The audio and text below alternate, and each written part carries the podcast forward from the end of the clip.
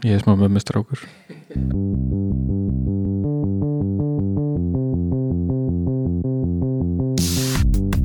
Halló er eitthvað að frétta? Já það er ekkert að frétta. Já það er ekkert að frétta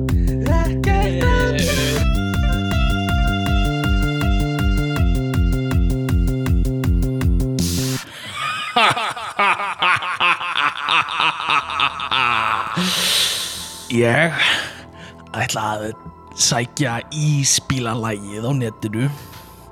Og ég ætla að keira í öll útkverfi bæjarins. Og ég ætla að blasta læginu á meðan ég keiri um útkverfin og sé öll börnin hlaupa út spennt að fá sér ís á hlýjum sumardegi. Og svo sjáðu að það er engin íspíl Ég ætla að skrifa miða og segja ég hafi klest á bíl. Og ég ætla að setja þennan miða í bílana á öllum bílunum í smáralind. En ég klest ekki á neitt bíl. Eigendunni verða brjálaðir. Ég ætla að kaupa alla tannburst á landinu. Já, ok. Ég veit ekki alveg hvert þessi var að fara. Uh, velkomin í 20. og nei, 20. 40. og annan þátt uh, hvernig fannst þér þessu opnun hjá mér? Mjög ill var mjög ill, gott Akkur það sem hún átti að vera um, Sko, 40. annan, þá- annan þáttur Sennilega 40. annan þáttur af því við tókum upp einn þátt á föstudaginn sem við erum ekki búin að byrta semst fyrir tveimur dugum Ég kannast ekki það Við tókum upp þátt sem var algjörlega í karakter allan þáttinn. Það var 40 minna þáttur sem var sem, þú veist, við vorum ekki að taka þátt heldur við vorum í karakter allan tíman uh, s- Mér fannst hann svolítið skemmtilegur sko. Já, mér fannst það líka. Hann er öðruvísi en, en hann er mjög öðruvísi við getum sagt orðað Hann er bara ekkert eins. Uh, En sko, eina sem ég er að pæli er að ein karakterin okkar e, e, e, það sem ég leik var með svona smá talgalla brest í talinu sínu. Og ég, ég veit ekki hversu viðkvæmt það er hjá fólki að byrta þannig ef einhver er- sem er að leika þannig karakter. Hmm, Það er kannski ástæðan fyrir mér ekki búin að en ég held, samt, ég held að það sé allt í lagi því það er sko ekki illa meint gagvart þetta er bara svona karakter sem var til á staðnum og hérna og já, er ekki beint eitthvað svona illa meint gagvart einhver e, þeim sem, sem, sem já, hafa þannig tal, má, ta, talanda. Uh, en mjög fyndið, ég var þetta er svona skroll sk skrollara karakter og minn karakter skrollaði uh, og það var mjög fyndið að sjá hvernig þú, Björgvin byrjaðir að skrolla sem einhvern veginn svona, svona samkendar skroll eitthvað. Sko, minn karakter var náttúrulega með ákveðin talgalla líka Já. sem er kannski ekki jafn einkennandi á skrólið hvernig var þinn? Hvernig var, Það var líka vandamál með erinn hans sko já var það Já, hans, er, erinn hans Góðan er dag. alltaf na, Góðan daginn, gott fólk eitthvað svona, þess típa Já, og svo hann er ekki að láta erinn rúla á tungunni sko. Já, einmitt Þannig að- að vonandi uh, gefum við þann þátt út ég veit ekki hvernig hann er að hlusta á sko 40 mínútur eða einhverjum, einhverjum ruggli bara en mér fannst það fyndi sko þannig að það er spurning, kannski er einhver einn sem myndi hlusta á það. Það er nú það er nóg fyrir okkur. Uh, síðasta vika mjög svona viðbörða lítil kannski. Uh, ég hérna ég, það var vinnustæðapartí í vinnunni hjá mér og svona, er Það mættu vantalega tveir dansarar til þess að já, til þess að starta dansgólfinu. Uh, þetta var reyndar, þetta var minna teimið. Það hefði verið mjög skrítið ef við hefum pantað tvo dansara fyrir tíu manns eða eitthvað. Uh, sem er samt ekkert vils hugmynd. Og það, já og ég hérna uh, það var partí upp í skóla og svo í fyrsta skipti svona eiginlega fyrsta skipti um, tók ég hopphjól einhverju svona alvöru vegalengt ég tók hopphjól frá háskólanum í Reykjavík og allir heim. Uh, og djöfull var þetta gaman. Djöfull er ég hlindur þessari rafskúter byltingu Já, ég er líka sko. Og hérna, Hvað tók langan tíma? ekki drosa langan ég þú veist, 20 mínútur eða eitthvað Mm. en kostaði undir þúsukalli uh, og ef það hefði séð mig hjóla á þessu, ég var sko ég var skellir hlægjandi klukkun eitt um nótt var einhver gæi í kópavænum skellir hlægjandi á rafskullu á í Garðabæn Og hversu fullur varstu? varstu? ekki, bara frekar ekki fullur sko. ég var hérna sem betur fyrir, ég veit ekki hvort maður að ég vera á sig að maður er eitthvað mjög fullur en ég var bara, bara mjög ekki fullur sko. þannig að þetta var mjög gaman og ég var Mm. bara líka svo ánægð með að það var sumar, gott veður og ég var á rafskúti á leiðinni heim Mm bara geggjað sko Ég held að það væri mjög sniðut að kaupa sér rafmaks hlaupahjól, rafskútu og hafa hana bara í skottun á bílunum sko. Já, er samt þörf á að kaupa það er kannski, það er náttúrulega svæði næður ekki til þín, ykkur bygg gráu en, en svona Eh, Það er kannski ekki þörf á, á, á því að þú notar hana bara í að fara úr bænum Nei. og aftur til að Nei. sækja bílinn en þú notar hana meira Já, reyndar, ef þú notar hana uh, svona, þessa vegalengd á dag ertu að borga þúsu kall og tekur í 70 daga eða eitthvað að vinna það upp mm. um, eða, eða þá bara svona rafmaks reyðhjól sem hættir að brjóta saman Já. sem er fyrirferða er sniðið sko Hvað var eitthvað sem gerast í þér þessa vikuna? Alveg gjörsamlega boring vika það kom hérna það kom ný espresso vél í vinnuna Ok, stopp. Úf, uh, já, ok, mín sag var léleg Þessi er, Nei, þetta er bara svona til að undirstrykka hvað hérna vikan var. Já, viðbyrða lítil viðbyrða lítil sko. En þetta mamma uh, hún hlustar stundum á þættin okkar uh, og finnst já, finnst við hún segir að það er svona okkar, þegar við tveir ég og þú erum með þætti, þá er það svona mömmu legri, sko, eða svona mömmu vægni mm, einmitt, uh, sem ég skil alveg, sko. Uh, ég er smá með með strákur en hérna hún hlustar líka á hérna og hún, uh, hún kemur stundum með kommenta þættina. Og í Mhm. vikunni kom með hérna og var að tala um hvað henni finnist Aggi vera lang skemmtilegastur í þáttunum. Ok, og seg, er allt, eh, segi það já, sagði það við mig bara hann er lang skemmtilegastur bara líkuð að hún hefði sagt sko þú ert leðilegastur mm, ég vil bara hlusta á Agga í þáttunum. Sem er mjög fyndið. Þá uh, þarftu bara að taka þátt bara þið ekki eða Já. bara eintal hjá Akki Já, bara eintal hjá Agga, ég held að mamma myndi fíla það. En hérna hún kemur og kommentar ofta á sko, þú veist að því við höfum verið með svona aðeins ég veit ekki hvernig ég á að lýsa þáttanum sem við erum með. Þeir eru aðeins öðruvísi heldur en hinnir uh, og ég veit að sömur fíla og sömur fíla ekki. Við fengum til með hrós uh, um helgina frá manni sem fílar einmitt okkar þætti rosa mikið. Mm, en sumir fíla hérna þættina sem við erum með kannski gumma og júliu meira. Um, en hérna uh, mamma oft kommentar á þættina okkar. Ok, og, og hérna við erum að tala um kannski eitthvað spiritual eh, hérna tengt trúabrögðum með eitthvað svona. Og, og, og hún segir alltaf eitthvað svona er alltaf að tala um hvað við erum ekki að, að tala nógu vel eða fara nógu djúpt í umræðina og það vantar þetta, þetta, þetta point og, Mhm. og hérna þú, þú ert ekki að skoða þetta frá þessari sjónarhorni og þú verður að hérna ég er ekki sammálaði að trúabröð myndu breytast ef það kæmu gemverur og svo kemur hún með eitthvað svona pælingar út frá því. Mm, um, sem er svona, já, það er mikið ég, ég er nokkuð sem hún ætti bara að vera með sitt eigi podcast á.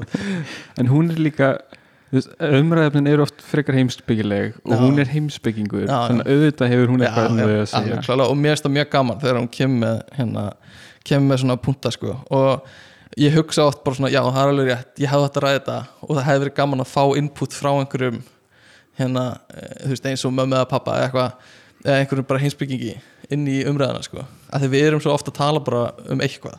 En kannski er líka að, veist, að, ég veit ekki, það sem ég finnst skemmtilegt við umræðunar eru hvað þær eru stúpid, einhverju leiti bara svona eitt hvað, þú veist, þær eru ekkert eitthvað svona nei, fræðilega já. þannig að þær eru bara svona já, við bara segjum það sem við Einmitt. höldum og það sem við vitum Einmitt. og auðvitað nær þekking okkar ekki mjög það, það er sko. fátt sem mér finnst óþægilega heldur en einhver svona pseudo-intellectual umræða með svona stórum orðum eins og þessi sem ég var að segja og hérna vitna í einhverja fræðimenn og eitthvað svona eins og uh, John Stuart Mill skrifaði um eitthvað svona Mhm. og, og hérna uh, þú, þú veist, þú kemur með eitthvað svona kvót og einhverja sem viðkomandi sem við þekkir ekki endilega já, og svona til þess að setja þig á einhvern svona uh, já, svona hærri stall og ert að vísi einhverja kenningar og ert að vísi einhverja svona stefnur sem enginn þekk, bara post-post-modern eitthvað svona sem, þú veist, fólk er ekki alveg með á hreinu já, og ég, þú veist, við erum ekki alveg þar sjálfur sko, sem mér finnst svolítið næs. Já. Ég sko mér, mér ég hef alveg gaman af þannig umræðum ef það eru sko einhvern veginn hvað ég segja ef, að, ef það er tilefni til, til Mm. þess að eiga þannig umræðu.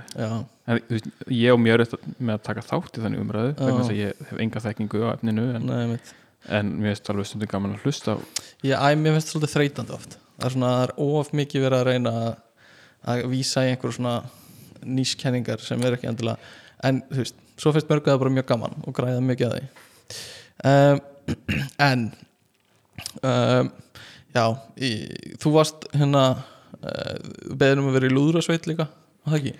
Jú, heyrðu, ég hérna ég var nú einhvern tímann í mars þá var ég búinn að þá sendi ég skilabóð á Lúðrasveit Reykjavíkur. Já, og ég spurði hvort það vantaði ekki saxofónleikara mm, og fekk svar bara daginn eftir bara, jú, jú, það hérna við, við myndum endalega vilja fá þig en við erum ekkert að æfa núna út af COVID bara, já, en vonandi náum við eitthvað að æfa fyrir sumarið, sögðu já. það var náttúrulega sumardaginn fyrsti og 7. júni og eitthvað svona, eru stóru dagarnir. Þetta eru stóru dagarnir fyrir lúð, lúðasveitina já, heldur betur, þetta er eiginlega einu, einu dagarnir það sem það er fóða að marsera uppáhalds, skemmtilega sem ég gera. Nema kannski, eða lúðrasveit verkalýsins marsera væntalega fyrsta mæ Býta, ert að segja, hvað ert að segja? Hvað heitir þetta? ha, Lúð- lúðrasveit verkalýsins Lúðrasveit. Yeah. Ég er alltaf búin að vera að segja eitthvað, eitthvað annað. Nei, ok, hvað segirðu? Já, en svo fekk ég post eða skilabóð Mm. 15. júni Já. að þeir var að fara að spila 17. júni Já, og, og ég fekk skilabóð hérna Bára saxofónleikari myndi mig á að hafa samband við því núna við erum að byrja æfingu akkurat núna akkurat núna svo, ég veit að þetta er stöttu fyrirværi en ef þú ert í nágrinni hljómskálans máttu endilega koma Næs, sko líka í nágrinni með saxofónu já, já. já, ég er hérna bara á laugaveginum ég Akkurat að lappa Akkurat að lappa með saxofónu og svo hérna, annars rennum við í gegnum prógramið þann 17. klungan 14 áður en við fyrir út að spila bara á takk, ég aldrei ég veit ekki eins og hvað þeir að fara að spila sko. einmitt. Úff. Já, þetta er eh, Þetta er greinilega mjög spontant fólk sem er í lúðrasveit já, greinilega alltaf til um, en ég sá hérna við sáum við mitt lúðrasveit 17. júni þegar við vorum í sundi já, það var einmitt lúrastætt reykjavíkur ég hefði kannski verið þarna ef, að, ef ég hefði fengið góðan fyrirvara sko. hversu mikið svona það var svolítið skrítin stemning að því fólk lá bara flat magað í pottinum og svo marseraði lúðrasveitin inn á hérna bara sundlega bakkan og stóð yfir fólki og svona basically horfið á það og meðan að vera í sundi og var að spila daginn eftir sá ég Birgitta Haugdal á kaffhúsi sem bætti það svolítið það, upp. það er alltaf gott. Þannig að það var svona vinsam lúsam sko. með hverjum var hún? Bara einhverjum vinkonu sínum og börnunum held ég. Uh, en uh, bara geggja að sjá hana sko. Já, já, við fyrir mikið tala um efni þáttarins. En það er ég verið bólusettur á morgun þannig að byrja fyrir mér. Ég var bólusettur í síðustu viku. Já, fegstu skjáltan nei, nei, ég slapp örgulega betur en flestir veistu bólaður í rassinn eða bólaður í bara legginn sko. Legginn. Það er gott, ég ætla að fá einmitt bóluna mín í öklan um, sko, uh, sko umræðefni þáttarins þetta gæti svolítið þungt sko. Uh, nú Og- er mamma einspennt já, nú er hlakkar í mömmu minni. Uh, hún er örgulega komið blá blíjant að skrifa niður allt sem við sögum ekki. Já. nei, ég spyr samt mömmu stundum út í einhver svona umræðefni áður en við tökum upp. Og ég var einmitt á leiðinu út á leiðinu til þín að taka upp núna fyrir klukkutíma þegar ég lenti á smá spjallu við mömmu og pappa um uh, ílsku og svo tengist þetta svo mikið inn í trúna sko, mm -hmm. og svona kristna trú að því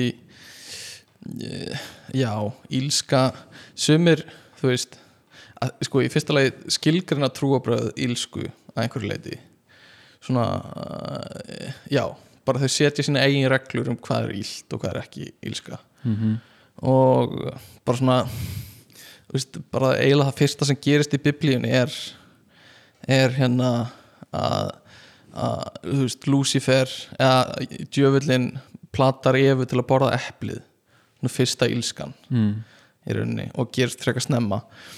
Og uh, það er, já, svona þessi ílska með uh, bóðorðin hvað átt að gera og hvað átt ekki að gera og eitthvað svona er rosa viðlóðandi í, í trúabröðunum um, en uh, það er ekki beint það sem ég ætla að fara um alveg strax. Mér langaði, sko, kveikin að þessu umræðefni er svolítið skemmtileg. Uh, ég sá á netinu einhver staðar uh, talað um það sem heitir rottubörnin í Pakistan. Og þetta var fyrir nokkrum vikum. Og uh, ég fór að skoða það. Og mjög áhugavert dæmi. Uh, en fyndi að því já elskan uh, vinaþátturinn okkar Mm. var að gefa þátt um nákvæmlega þetta. Sem er mjög mikið tilviljun. Af því þetta er kveikjana þetta er umræðefni sem ég er búin að nefna við fyrir svolítið síðan. Já, já, og hérna og kveikjan að því var þetta sem ég sá á netinu um róttubörnin og, og hérna svo voru þær vinapodcastið okkar akkurat að gefa út þátt um þetta en mig grunar, það sem mig grunar er að önnur hvor Ingibjörg eða Kristína hafi séð þetta á TikTok og farið Ok. að kynna sér þetta ég veit ekkert hvað það tala um sko. Nei, ég, ætla að fara í að ég ætla að fara betur út í það af því ég sá held ég sá þetta held ég í einhverju svona TikTok compilation á Já, YouTube. það sem ég ætla, ég ætla að segja Já, ég ætla að segja einhver, einhver svoleiðis. Ég fylgist svolítið með eh, sko, mímónum sem yngir kynnslóðan er að míma mm. nema gegnum- þú færði alltaf svona tveim vikum setna Já, já, ég, sé, ég fylgist með þeim í gegnum svona compilationum þetta á YouTube. Mm. og það Eh, er með puttan á púlsinu Já, mjög gott. En með grunar að, að þetta hafi farið svolítið á flakk í, í gegnum TikTok. Þannig að það er kannski þannig sem tengingin er. En rottubörnin í Pakistan. Uh, ég ætla að segja svona ég ætla að segja smá frá því en svo er náttúrulega bara heilt þáttur sem þær gerðu sem ég mælu með að fólk hlusta á að því að þetta er mjög áhugavert. En hérna svona uh, cliff notes útgáfan af því er við erum með einhvern svona genatískan sjúkdóm í grunninn sem, eh, eða s- já, svona fæðingagalla. Ég veit ekki hvort hann er genetískur. En sem ve- veldur því að, að sko andlitið stækkar svona hlutfalslega ekki rétt. Þannig að hérna andlitið er kannski að stækka á venjulegum hraða en restin af hauskúpunni ge- ekki jafn hratt. Þannig að það verður svona afmyndun í andlitinu einhvern veginn. Ok, og um, það er svona andliti líkist oft svona uh, já, svona eirun standa út og, og hérna nefið er svolítið stórt og eitthvað svona þannig að veist, það er hægt að draga einhverju líkingu við já, rottur og það kemur nafnið sko og er þetta á fósturskeiði sem þetta gerist, eða er þetta eftir að þið fæðast þetta er eftir að það fæðast sem þú tekur eftir þessu sko og, og þú veist, þróunin er, veist, fæðast þau afmynduð eða Nei, ég, nei, fram já, ég, þau ég fæðast. býst við að þetta sé í vakstaferlinu sko. en hérna þetta er sko þessi börn þegar þau fæðast þá eru þau uh, svona, þau eru einhvers konar mynd myndbyrting guðdóms. Þannig að þau eru til svona, næstu því tilbyðin sko. ok, þetta er allavega það er, það er góð sviti þegar svona barn fæðist. Þú, ert í tengingu við, við guð eða einhver guð hjá, í þessum trúabröðum mm sík trúabröðin held ég. Um, og uh, þetta er þetta er svona gert hérna þetta, uh, já, þetta gerist oft uh, í, þetta, já, gerist oft í Indlandi eða Pakistan og, og bara svona furðu oft. Þetta, þetta á að gerast mjög sjaldan svona, uh, þú veist, læknisfræðilega séð en þetta er of hátíðin þannig og við ekki kom, betra því eftir. En hérna mm, þa- þessi börn eru látin uh, í fóstur hjá einhverjum svona einhverjum svona hofi eða eitthvað svo leiðis og þau eru látin betla. Og þessi börn hérna fá mikið af peningum af því það er talið vera ógæfa að gefa þeim ekki pening. Ok. Um, og hérna og svo tengist þetta eitthvað einn í frjósemi kvenna og eitthvað svona að, að ef þú vilt vera frjóri þá getur þú gefið frumburðin uh, til semst, þessa trúarhóps og, og hérna og sem á að taka við barninu og þú átt að vera frjóri fyrir vikið mm þannig að, að hérna uh, en, en á móti kemur er að fyrsta barnið verður eitthvað afmyndað þetta, er- þetta er svona smá steikt pælingar en allavega líkillin sem ég ætla að koma að er þessi og allt annað skiptir ekki máli er að það eru þessi glæpahópar sem taka við börnum frá konum sem vilja verða meira óléttar um, eru að taka börnin og festa á þær á þau einhvers konar grímur eða grindur bara þeir eru nokkra daga gömul. Þannig að e, hausinn þeirra vex ekki á réttum hraða. Þannig að kannski toppurinn á hausnum er bara fastur inn í grind. Þannig að hann næri ekki að vaksa eðlilega ok, okay. og þau gera þetta vegna þess að þessi börn fá meiri pening þau betla Aha. og hérna þau hérna þannig að þau taka við börnum sem eru skilin eftir af konum sem vilja vera meira frjóar sem eru að í rauninni fórna eða já, gefa börnin sín til uh, já, ákveðin svona trúarhóps held ég um, og þessi hópar taka börnin setja á þau einhverju svona já, grímur og þannig að andlitið er að vaksa skringilega og í rauninni búa til en að genatíska sjúkdóm bara með mannlegum. Já, já, ok. Og til þess að fá meiri pening þeir eru betla. Og svo eru þessi börn sett á götuna og látin betla fyrir bara sem vinnu. Já, og þau fá alveg góðan pening fyrir þá dag. Uh, og þetta var svona, uh, svona kveikin að þættinum. Að hérna er, þú ert að taka börn og þú ert að gera þau greindarskert líka mm með því að taka bara nokkra gum, nei, daga gömul börn og Já. setja á þau einhvers konar höm, bara svona já, höm, hömlur já, og, og þetta er ekki bara sko, þrældómur sem þú ert að hneppa börnin í heldur líka þú ert að afmynda þau Mhm. og eyðileggja bara líf þeirra Mhm. uh, til þess að þú getur grætt pening Mhm. uh, og uh, já, og ég mæli með að hlusta á sko þáttin já elskan sem gerir mér svolítið kleift að tala með raskaturu núna og svo bara vísa á þann þátt að því hann er útskýrir þetta miklu miklu betur en ég. Já, en sem- þetta var samt kveikjan sko, mér fannst þetta svo viðbjörsleg hegðun að sko gera þetta fyrir peninga. Já, að sko ekki nómið það þú veist, að taka börn frá mæðurum þetta er, svo, þetta er vond á svo mörgum stígum já, sko. já. og uh, svo veist, tel, tekur hún alltaf bara peningin frá barninu sem er að betla á götunni Mhm. og þú ert ekki að láta þið fara að vinna neitt þú ert bara að láta þið fara að betla á götunni hversu gömul eru þau þau fara að betla bara, örglega bara, ég veit ekki, tíu ára eða eitthvað sliðis eða kannski eitthvað meira eða minna en hérna uh, svo er þetta bara er þetta bara manneskir sem eru bara uh, afmyndaðar það sem eftir er út af einhverju svona. Og, og hérna líka bara greindarskert að því heilinnar er náttúrulega ekkert að þróast rétt. Nei, þegar hö- höfuðið er, er sett í svona hérna uh, já, svona grind. Þannig að þetta var algjörlega viðbjósleg hegðun og algjör svona ílska. Bara svona, ég hugsaði bara hvað þetta væri mikil ílska já, að gera þetta. Já. og, og peningar finnst manni oft uppsprettan að einhverju svona alveg fáránlega illu sko. Mhm. Eins og þetta. Og en, er ekki til betri leið til að græða peninga? Og ég vil ekki vera að dæma veist, menning og trúabröð annara og það vantar örgulega einhverjum svona útskýringar inn í þessa sögu sem ég var að segja. En come on þú veist það, það er bara hægt að útskýra ákveð mikið þá getur það verður bara samt ógeðslegt sko. ég meina þetta það að útskýra eitthvað afsakar það ekki Nei, nei. veist, þú getur Nei. útskýrt eh, af hverju eitthvað gerist en Já. þarna náttúrulega e, þú veist, þessi glæpahópar eða þeir sem að er að sjá um þetta þeir augljóslega bara líta ekki á þessu börn sem manneskjur þeir eru bara veist, dýr þess vegna eða jafnvel eitthvað ennþá ómerkilegra sko. og ég held að það sé rosa mikið ég veit það ekki, gegnum gangandi þegar þú ert að ræða um ílsku sérstaklega gagvart öðru mannfólki að þú lítur á það sem einmitt. ekki mannfólk sko. það, já, það hefur náttúrulega skipt miklu máli í, í svona ílskunni í gegnum mannkinn söguna um, áður en við höldum áfram langaði með að prófa svolítið mér langaði að, að fara í gegnum til að búa til fyrir okkur sko, svona villan svona vondukallarnöfn mm.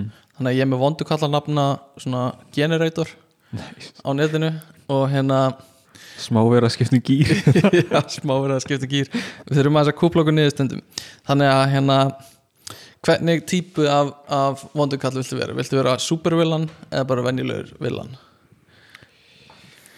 Villan ég hvað fælst í supervilla er það bara eins og bara overhitju eitthvað tengt. Ég er meira meira raunsæði smaður sko. Ok. Ertu kall eða kona? Kall. Ég er kona. Ok, þú ert kall. Um, Hvaða hérna já, lýsingar orð myndur lýsa sjálfu þér? Á ennsku um, raunsær. Pragmatískur, realistic. Realistic. Uh, hvaða hérna uh, hvaða dýri erstu líkastur? Hún langar að segja rottu. Rotta. Uh, og hvaða ár ertu fættur 1995 uh, ok. Daniel Brown. What?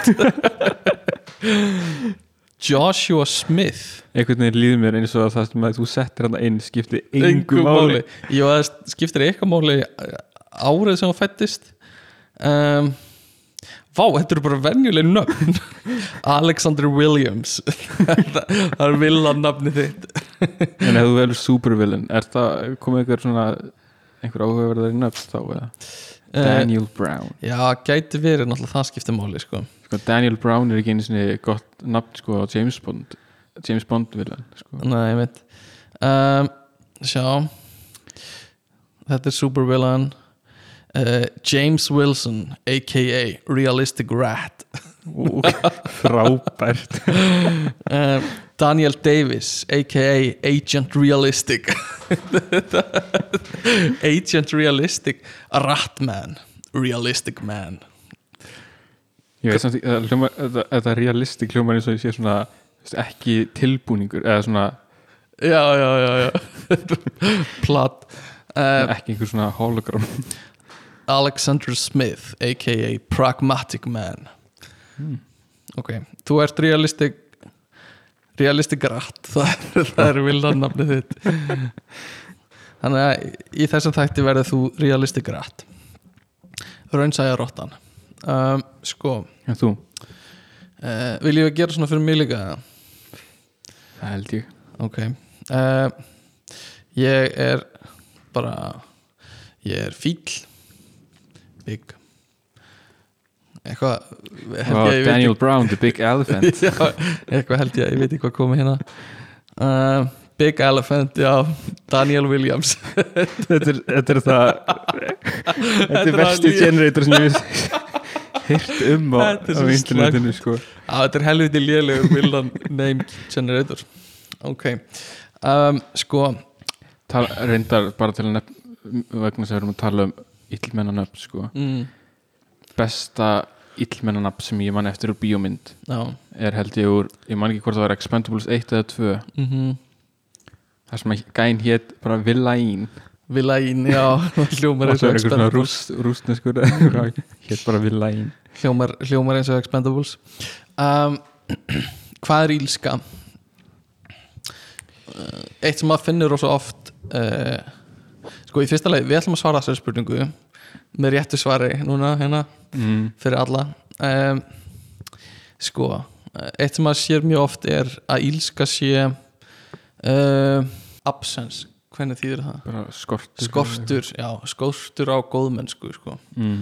bara absence of good sko. Mm að það, það, það sé segir illska. því, samt- það hjálpaði ekki neitt Nei, nema sko ég held að sé líka verið að tala um bara að sko heimurinn er í grunn góður já, að sk- sko hérna svona baseline í heiminum er gott mm. það er vera gott og um, einhver af þessum fornu hérna spekingum platt og ég held að sé Sókrates að það var hugmyndin hans sko að heimurinn er góður og það sem er vond er skortur á heiminum Mhm. og því raunverulega Mhm. og það sé það sem er vond Mhm. um, og hérna svo, svo er líka sko hægt að draga mun á milli ílsku og bara því, það sem er vond sko. það er ekki endilega það sama.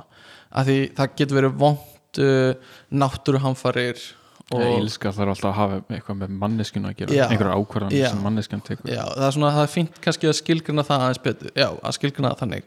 Vegna þess að það er ekki að tanna í er, það er vond og heimurinn er vondur staður en það er kannski það er ekki illt að Nei, tanni það er engin svona ílska bakviða þannig að hérna uh, við erum kannski svona að fókusa meira á ílsku hlutan af þessu. Mhm. og það, maður þarf kannski að pæla svolítið í sko hvað þýðir að vera illur og hérna uh, þarf að vera eitthvað svona einhver vilji fyrir hendi vilji fyrir að að gera eitthvað slæmt við einhvern annan sé einhvers konar ílska er ílska hérna, skortur á upplýsingum eða það að þú sérst ekki uh, að þú sérst að hugmynd þín um heiminn er að þú hafir allar upplýsingar fyrir hendi og sérst að taka réttu ákvörðunina en, og vilt ekki viðurkenna að hérna, þú hafi rámt fyrir þér og hérna það er svona það er rosa, þetta er loðið hugtak sko erfitt að negla mjög. niður en, en það er líka hérna, um leið og þú ætlar að þú skilgrinir ílsku með einhverjum orðum og þá þarf þetta að skilgrina hvert einasta orð sem þú notaðir til þess að skilgrina ílsku já, einmitt, einmitt.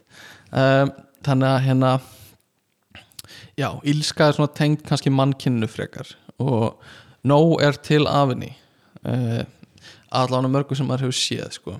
Mhm. uh, sérstaklega á netinu, að nóg ílska á netinu Já, svolítið mikið slatti af henni og hérna, myndur þú segja svartur húmor væri ílska um, Nei ekki uh, almennt ekki. Nei. þú, ge getur alveg sagt en vondir brandarar. Svona ekki lélegir heldur bara svona vondir, illkvitnir íllkvittni brandarar.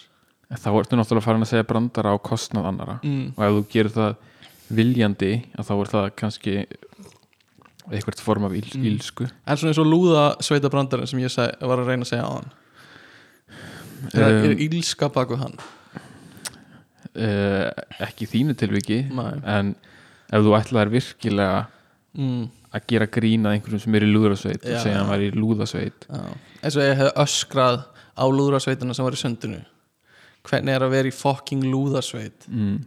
Það verið kannski ílska bara, ég get alveg ímynda mér að einhver, einhver tíman hafi einhver í lúðrasveit verið lagur í einelti Pottet. og hann sagður verið í lúðasveit þá er það bara pottet. ílska en þú veist, það er ekkit brandan sjálfur það er bara eineltið sem er ílskan Já, þannig, einmitt. þó Uh, er endar hvort að eða, ska, hvað, hvað er líkja á bakvið einelti er mm, kannski önnur einmitt.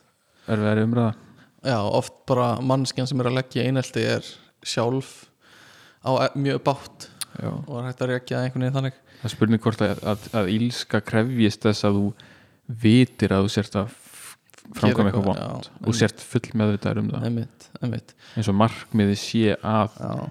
bara skada Mhm. annan. En hvað með þá eins og síkopata sem þú veist get ekki sett sig í spór annara og það er bara svona það er ekki þeirra eðli að skilja hva, hvað þeir eru að gera út frá tilfinningum annara veist, þeir hægt að segja þeir séu vond, þú veist, illir? Eða eru þeir bara einhvern veginn fyrir utan en að svega af því þeir get ekki upplifað að maður þarf frekar að hugsa um þá eins og bara róbóta sem eru bara að fylgja einhverju prógrami ég meina þá eru öll róbótar að fylgja prógrami Akkur En eh, þú veist, það höfum er bara annað prógram. Já, en við höfum hæfuleikan til að setja ykkur í spór annara og vitum að það sem við erum að gera er rámt og, og, og, og hérna en kannski er einhverju sem bara get ekki átt að segja á því já, já. já, það er góð spurning sko. svo eru líka einhverju sem að vita full vel að þeir eru að gera eitthvað rámt en Mhm. fá bara ánægju út úr því sko, Mhm. og, og það, það, er einhvern veginn reynasta form ílsku einhvern veginn þegar þú Já, veist það en ef þú, ef þú ert ekki meðvitaður um það einmitt það er alveg spurning sko. Já, sko, í, sko an, önnur svona hugmyndum ílsku er líka sko að ílska eh, er spilling einhvers Þess, þú þarft já, þú þarft að hafa eitthvað gott til þess að sé eitthvað slæmt til. Og þetta er bara svona þekkt pæling bara mm, þú veist, það er ekkert þú, þú þið getur ekki liðið vel ef maður einhvern tímann er liðið illa. Bara svona til að setja í, í eitthvað samhengi. Og þú veist, það er ekki til neitt vond nema að sé til eitthvað gott fyrst. Mm og þetta tengist líka, líka rosa mikið inn í trúabröðin bara að fyrsta ílskan sem er bara djöfullin var engill bara hægri hönd Guðs -hmm. sem var bara það besta í heiminum, það góðasta í heiminum og svo fellur hann og er, verður spiltur sko Mhm. er spilt og hérna verður svo bara holdgerfing þess vonda sko Mhm. þannig að við erum með þetta, þetta hérna, það er ekki til neitt vond nema að sé til gott fyrst Mhm. og þá erum við líka að gera ráð fyrir því að að hérna við, við erum með sko út frá öllu sem við skilgrinum sem gott þá erum við með þetta rétta fyrst sagt, það er ekki til glæpamenn nema sé til heiðalegi borgarar það er ekki til um, það er ekki til þú veist sársöki nema sé til velliðin og eitthvað svona. Þú veist, það, við, það þarf að vera fyrst þetta góða sem er svo spilt yfir í það vonda eða öfugt Já, en það er eins og, eins og margir vilja meina að það góða komi fyrst sko. að það sé einhvern veginn það sem er eðlislegt sko. og, það, og það sé síðan spilt sko. við getum séð þetta líka bara í tolkien að Þið varst ekki áðan að gaggrina akkurat þetta Nei, það þekki nú allir lortaði rings en þar voru sko álfanum breytt í orka skilur við, Já, orkar eru bara álfar. En það, það að þetta sé algengt sagnaminni þýðir það Nei, ég endilega veit að ég var að grínast sko, en já, það er alveg rétt hjá þér. Um, uh, en já, þetta er og hann hefur líka fengið þetta frá biblíunni sko, alveg bókað. Já, og þannig að þetta er uh, en þetta er líka bara eitthvað sem er svona þekkt í bókmæntasögunni sko. Mhm, og það, ég veit ekki hvort komu undan þú veist, þetta minni í bókmæntasögunni og það að fræðimenn sé að draga einhverju kenningar út frá því eða fræðimenn kom með kenningarna sínar og svo var þetta einhvern veginn innlimað inn í, inn í bókmæntasöguna sko. En ég ímynda mér ef að, einhvern, ég sé þetta fyrir mér sem skala. Já, uh, og hlutir séu misgóðir á einhvernum skala og Já. þú veist, getur sett eitthvað null á skalan og öðrum megin eru hlutinir vondir og hinum megin eru góðir. Mm og þú getur náttúrulega ekki verið með uh, þú getur ekki sagt annars í vond ef að það er ekki ef að Mhm. vantar góða hlutan á, á skalanum. Já, einmitt. Uh, en ég einhvern veginn ég er náttúrulega ekki fræðumar en ég get ekkit endilega séð fyrir mér að góða þurfi endilega að koma fyrst. Það það hljóma veginn mjög svona einmitt. trúarlega fyrir mér. Já, já, já. Uh, en uh, eitt svona, svo klárum eitt í hverju gleymir geymir djöfullin mjölkina sína Lúsifernu uh, já, það er satt. Hann, já en hérna þetta er svo góðu brandari frábær. Um, já, sko þetta er náttúrulega rosa trúalegt en um, mér finnst samt alveg svona smá megasens einhvern veginn þessi sko þessi spilling á einhverju góðu sko að það sé ílska. Um, bara af því veist, mér finnst það ekki beint svona mér finnst það ekki beint svona eðlislægt að vera vondur og að að eitthvað sé vond mér finnst það frekar svona það sem þú gerir til að fara úr uh, þínum venjulega vegi. Þú veist, þú leggur eitthvað á þig oft til að vera vondur og til að eitthvað illt sé gert. Um, og, og þú þarft að þarft að hérna að því, þetta er ekki bara það að gera eitthvað sem er slæmt þetta er líka þessi hugmyndum að þú veist, þú ert að gera það út af því það er vond og, og, þú færð eitthvað út í uh, en hérna en aðrir veist, er að, er að þjást fyrir það mm -hmm. Veist, þetta er ekki já, mér finnst það ekki beint eðlislegt að, að gera það sko en þá spyrjum móti mm. Ok, ílska er eh, frávik. Skulum við segja, frá eðlilegri hegðun ok en er mikil góðmennska Mm. er hún ekki líka frávik er ekki flestir Já. bara einhvers staðar í kringum eitthvað meðaltal með, og mikil góðmennska Mm. hetjudáðir eru líka kannski, ég veit ekki hvort, hvort það sé jafn sjálfgjafar en það eru Mm. sjálfgjafar í rauninni líka Mm. alveg eins og mikil illvirki já, já, já. þannig að ég get hugsað mér að flestir menn sé ekkit endilega eitthvað góðir Nei. þeir eru bara ekki vondir. En þeir, einmitt. Og það, það gæti verið það sem er kannski líka verið að meina uh, já, það þarf ekki endilega að vera eitthvað svona sérstaklega gott. En, en kannski er bara þetta venjulega ástand þú veist, það er ekki vond einhvern veginn. En er það ekki bara ekki vond vegna þess að það er venjulega ástandi já, það er ekkit endilega eitthvað sérstaklega gott við það Nei, já, ég veit ekki kannski ekki eitthvað sérstaklega gott sko. en svo líka þú veist, það er alveg annað dæmi bara hvað er gott skilur uh, það er alveg svona skortur á ílsku skortur á ílsku uh, já, og, já þannig að það er hægt að fara mjög djúpt út í það líka sko.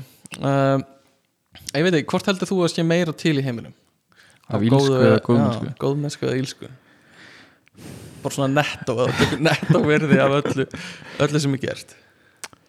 Um, að því, sko, mér finnst oft eins og þessi hægt að rekja allt sem þú gerir út í eitthvað slæmt. Bara að þú notaðir plastpoka og svo rekur eitthvað svona það er vont fyrir þetta, þetta, þetta og vont fyrir náttúruna það er slæmt. Uh, þú ert í sokkum frá H&M það er da, da, da, da, da, það er uh, þrælavinna það er slæmt fyrir heiminn. En það er líka þú ert í um, já þú ert í sokkum frá H&M Já.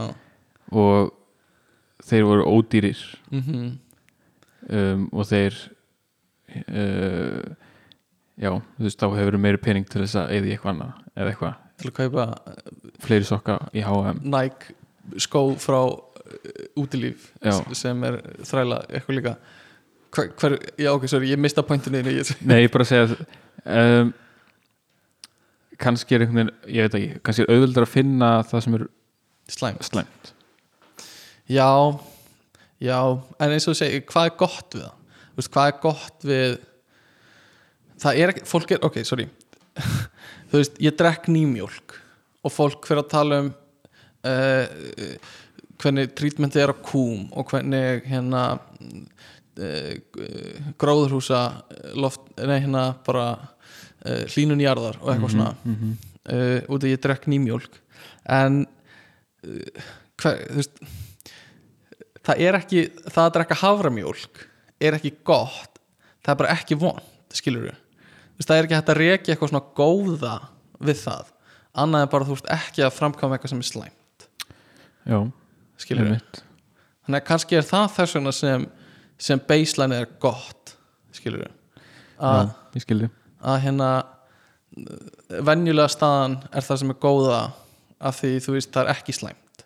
Mm uh, En hvað væri eitthvað í þessu samingi mm, eitthvað sérstaklega gott?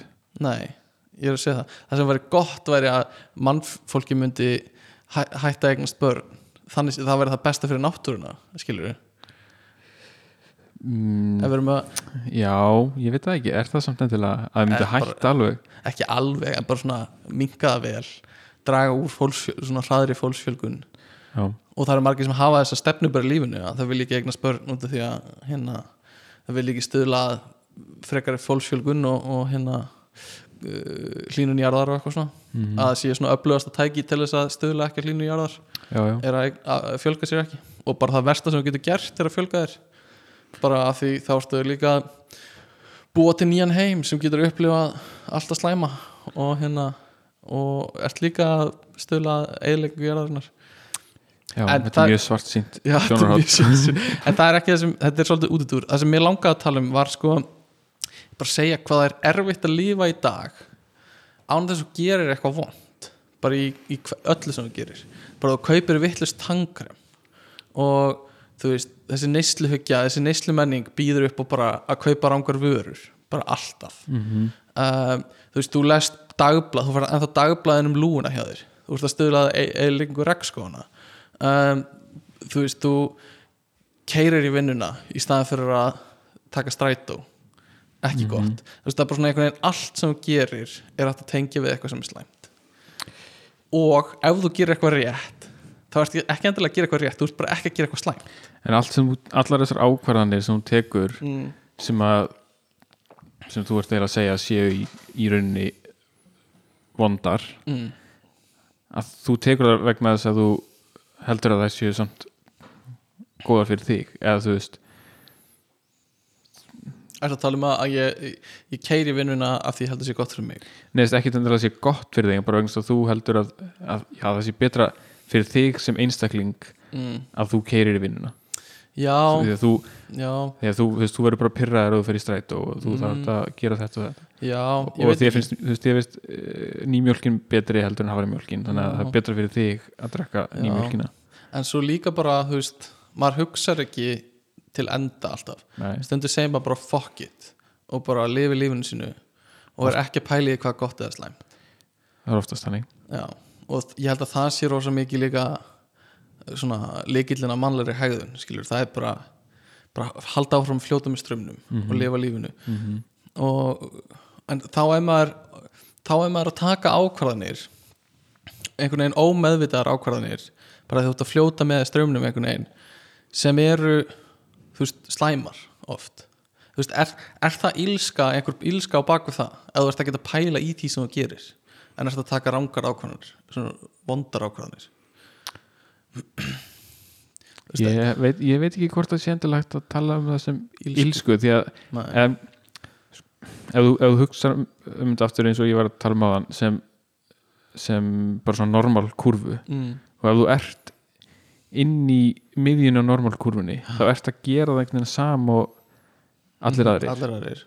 Er það afsökun fyrir hegðuninni það er ekkert endilega afsökun en ég er einhvern veginn að segja að það er meira að ef ég hugsa um ílsku sem frávik frá norminu mm.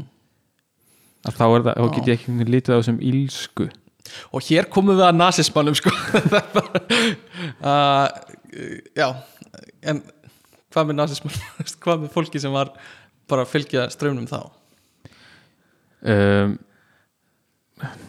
ég myndi ekki segja að það sé endilega fylgja strömmnum nema þú veist innan einhverjar Mhm. einhver svona þú veist innan hóps mm. af heildinni eða þú veist, ef þú hugsaður um mannkinni sem heild já, að þá getur ekki sagt að, mann, að normið hafi verið að nei, nei, en normið hjá þessu fólki hjá Já, kannski nátt- þjóðverjum sem voru af ariskum uppruna eða eitthvað svona veist, þau, þau voru að gera eins og allir aðrir í kringu þau voru að gera já, þau voru að fordæma gýðinga og þau voru að framkoma alls konar ílt og alls konar ílsku uh, í nafni þess bara að, að þeim var sagt að gera það og þetta var það sem átti að vera gert og einhvern veginn já ákveðin hjarðhegðun í gangi. Já, það, mér finnst svolítið, svolítið áhugavert þetta sko þessi, þessi sko aftenging einhvern veginn frá völdunum og svo framkvæmdini að þú veist þeim sem, sem skipuðu fyrir eitthvað slæmt og þetta er ekki bara nasismi, þetta er allstar þetta er í hérna þú veist örgl, í, hjá Mao og Stalin og eitthvað svona. Allstaðar og fleiri og fleiri All, en, allstaðar þar sem hefur verið framkvæmt þjóðarmorð Mm. þar er þetta í rauninni. málið. En þá er, veist, þá er þeir sem eru yfir og stjórna uh, gefa út einhverju skipanir. Mm -hmm. svo taka einhverjur, einhverjur millistjórnundur við því og útfæra það kannski á þú veist, Hitler segir kannski I hate Jews og bara segja hann hati Jews eða Sava. Og svo einhverjum millistjórnundur sem taka við þeim skipunum. Og það enda bara með einhverjum óskup nei, og hérna þetta er svo vond sko. Nei, en, en veist, Hitler gefur kannski, ég veit ekki, gaf hann einhvern tímann út skipun bara, ég vil að allir séu sendir í útrýmingabúðir og gasklefa ég ætla ekki að fullera um það en ég held að reyndar í bókinu hans að Mein Kampf þá hafa hann talað um það hann vildi bara, útrýmaði bara bara burt með þetta fólk sko. held ég, Já, já. ég en allan að hann gefur skipunina og svo einhvern veginn svona flæðir þetta niður þannig að hérna þeim sem eru að framkoma þetta þú veist, hafa ein, ber enga ábyrð þannig séð og eru einhvern veginn bara svona gjörsamlega bara búið að aðskilja það frá hérna ákvörðunni Einmitt. og, og valdinu til þess að breyta og, og hérna þú veist, taka einhverju svona uh, ákvörðun um það einmitt.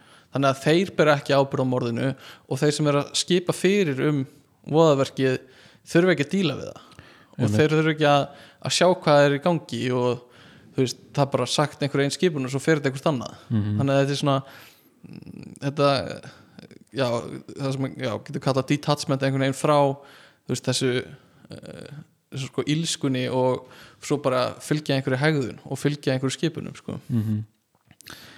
þetta er náttúrulega mjög algeng svona vörn Mhm. hjá þeim sem að hafa framkvæmt alls konar uh, hérna, illvirki í rauninni er bara ég var að fylgja skipunum algjörlega mjög, sko. mjög algeng og sum, stundum í sumum réttarhöldum hefur Mm. það verið tekið gilt og, og stundum ekki, það er ekki alveg einmitt. Það er hann hérna á það er mér svo leiðilegt að tala um það sem svona en það er eitt, hún er að klára eitt og svo á, sleppa. Það, ég hata þetta. Þetta er, ég hata svona pop culture eitthvað ílsku dót, eitthvað svona. Uh, allavega sko það er Adolf Eichmann sem var að sjá um lestirnar hjá nazistum mm. sem voru að flytja geðingana í útrýmingabúðunar Mm um, hann var uh, á sjönda áratögnum var hann, voru réttarhöldi yfir honum. -hmm. og uh, hann hérna það var einhver blaðakona ég held að það var kona sem uh, sem talaði við hann í réttarhöldunum. Og líst hann bara sem þú veist þetta var ekki þú veist hann er þessi vond manneskja. Þetta var bara eðlilegu maður sem, sem hafi verið að hérna stýra öllum ferðunum og í rauninni bara á einhvern hátt valdur þess að rosalega margir dóu og þjáðust. Mm og hérna hann já, hann var það sem kannski var við hann hann átti erfitt með að átta sig á og viðurkenna alltaf slæma sem hann gerði.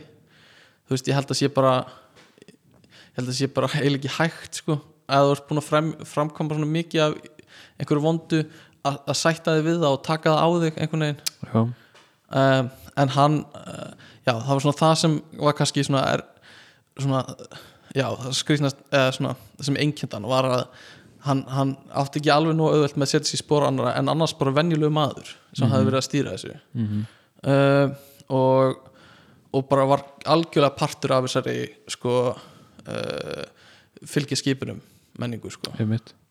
Uh, og hann var, hann var tekin að lífi sko en Já, eftir þetta allt saman en auðvitað er, það auðvitað er alltaf einhverjir sem að taka þátt í svona sem að mm. eru bara að taka þátt af hugssjón þeim finnst þetta bara rétt já, já, og aðrir sem að eru bara einhvern veginn að fylgja skipunum og eru örglæðist með uh, að sopna sko ef, ef þú ef við myndum taka Hitler sem bar núna og setja hann á Ísland á 20. og 1. öldinni hvernig heldur hann myndi alast upp heldur hann yrði eitthvað heldur hann yrði bara einhver millistjórnandi í einhverju fyrirtæki eða eitthvað svona heldur hann sé eitthvað sérstakt við Hitler sem gerði hann vondan?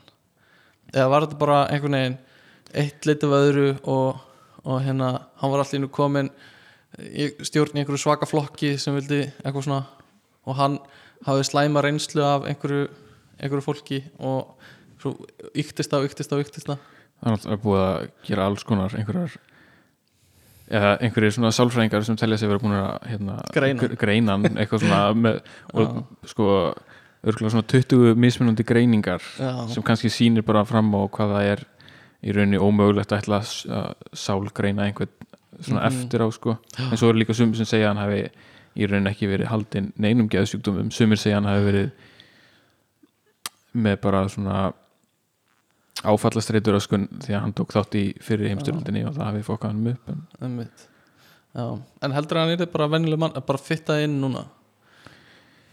Um, þú veist það er ekkit þú veist, eðlislega það gæti alveg hafa verið einhver svona trigger. Já, þarna í þessum aðstæðum sem voru í Þýskalandi eftir fyrir heimstyröldina þar sem að þú veist, þeim var bara kent um allt og, já, þú veist, borg, þeir, þurfti að borga fullt af peningum og þannig að þú veist, það var ákveðin reyði náttúrulega í þjóðfélaginu. En á Íslandi kannski núna það er ekkit rosalega mikil reyði í þjóðfélaginu endilega. Hann, veist, hann væri örgulega virkur í aðtöðasemdum sko. pældi í einhverjum alternate heimi þá er einhver Adolf Hitler að kommenta á vísi alltaf. Meina það er örgulega það er fullt fullt af fólki sem Já. lifir bara svona frekar venjulegu lífi í bara svona frekar stabilum samfélögum Mhm, sem að ef það væri sett í ákveðnar aðstæðar þá myndi það mhm, gera, gera svipaða hluti. Já, örgulega Örugglega. Uh, alveg, já, ég er alveg viss um það sko. Og, og hérna uh, maður veit ekkert einu sinni sjálfur hvað maður myndi gera sko.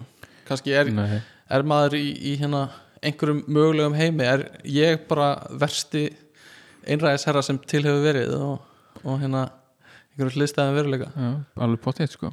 Já, En það, eh, vegna að við vorum að tala um hérna með það að fylgja bara skipunum. Mm, það hérna þú eru líka eitthvað hérna, kíkt á það en þú veist hérna, tilurinn Milgrams mm með hérna Já. raf, rafstuðið það er ógæðslega áhugavert dæmi sko þar sem að eh, já, fólk var fengið til þess að hérna, taka þátt í einhverju rannsókn sem var svona að vera platað í að halda að rannsóknin gengi út af eitthvað allt annað þá var það sem sagt í rauninni að uh, þá var gekk tilurinn út af það bara hversu Langt. langt, er, er fólk tilbúið að ganga með að, að valda Mhm. þjáningu hjá öðrum sem að, sem að einhvern veginn sér ekki. Þú varst, þú varst settur fyrir fram á skrippborð með tæki fyrir fram að þig já, og áttur að spurja spurninga yfir mikrofón. Já, og þú heyriðir svo í manninu sem þú varst að spurja spurningana eða Mhm. konni og þú ættir að spurja og ef þau svöruðu vittlaust þá ættir að gefa þeim rafstuð. Mm og það byrjaði lítið en svo hækkaði og hækkaði og hækkaði. Já fyrsti skamturinn var bara eitthvað svona finnur ekki fyrir þessu. Og svo smám saman varstu komin upp í bara eitthvað sem áttu að valda dauða sko. miklum sársöka og það sko. stóð held ég bara líþal á hérna á tækinu. Einmitt. En það sem þau vissu ekki sem voru að taka þátt í tilhörinni er að það var enginn á hinum endunum Já. það voru leikarar sem voru að leika það að þau voru að meiða sig og fá rafstuð. Já. ok, og bara ótrúlega hátt hlutall af fólki sem var tilbúið að fara mjög langt, jafnvel alla leið Mhm. bara vegna þess að, maður í veist, það var einhver svona einhver sem að, að taldi vera einhvern veginn svona valda mikið veist, Mhm. einhver vísindamaður sem var að gera rosa mikilvæga tilraun og hann Mhm. þurfti bara að fá niðurstöðnar mm -hmm. einmitt, og, hérna, og tilbúið að bara ganga mjög langt og, en, en uh, flestir fyrirfram myndu segja sko að þeir myndu ekki einmitt. ganga svona langt. Já, ég myndi stoppa. Já, þú veist, ég myndi alltaf stoppa. ég, ég er ekki þessi mannskja sem myndi gefa svona háanströmm, hvað er að ykkur? En uh, þú veist, það er einmitt það, er bara, þú veist, það er bara að fylgja einhvern veginn skipunum Mhm. og svo náttúrulega kannski líka einhverju leiti það að þú ert ekki í rauninni að þú ert bara með einhverja rödd sem ta Mhm. tala við þig, þú ert ekki að horfa á manneskjuna það kannski hefur einhver áhrif því að þá ertu búin að eh, þú veist, hún er kannski ekki alveg jafn mannleg fyrir þig sko. og það er örugglega partur af þessu líka með eins og þeir eru að vera að skipa þjóðarmorð að þeir sem eru yfir og millistjórnur sjá aldrei dauðan einmitt, og voðaverkin einmitt. það er örugglega partur af því en líka að það er búið að einhvern veginn heila þú kannski þá sem að framkvæma í rauninu morðin mm -hmm. segja þeim bara þú veist, þetta fólk sem þeir eru að myrða það Mhm. eru ekki jafn merkilega manneskjur og þið. Eða bara eða, þú veist, við, við öll. Og það er náttúrulega hefur verið uh, svona, svona þunga miðjan í mörgum slæmu voðaverkum er þetta, þetta aðgreining á mennskunni. Að sumir eru mennskir en aðrir ekki. Einmitt. en mér langar að klára eitt með tilhörinu sem við vorum að tala um á hann er uh, þetta var líka mjög slæmt fyrir þá sem tóku þátt í rannsókninni og voru að gefa rafströmmin mm eftir á. Já, já, að komast að þessu um sjálfa þig. Að þú ferði í einhverja rannsókn og heldur þú sért bara fara að gera eitthvað þægilegt og létt og rólegt. Mm svo kemur þú út og þú ert búin að átta þig á því að þú ert manneskjan sem myndi drepa einhvern bara því að einhver er að segja þér það. -hmm. og þetta er, en niðurstaðan er eiginlega að flestir eru það. Já en þetta er samt, þetta er þetta er siðferðislega spurning já, ég, bara í, í rannsóknu núna. Bara, hvað máttu bara gera hérna eins og við rættum í siðferðisþættinum, sko. siðferðistættinum sko.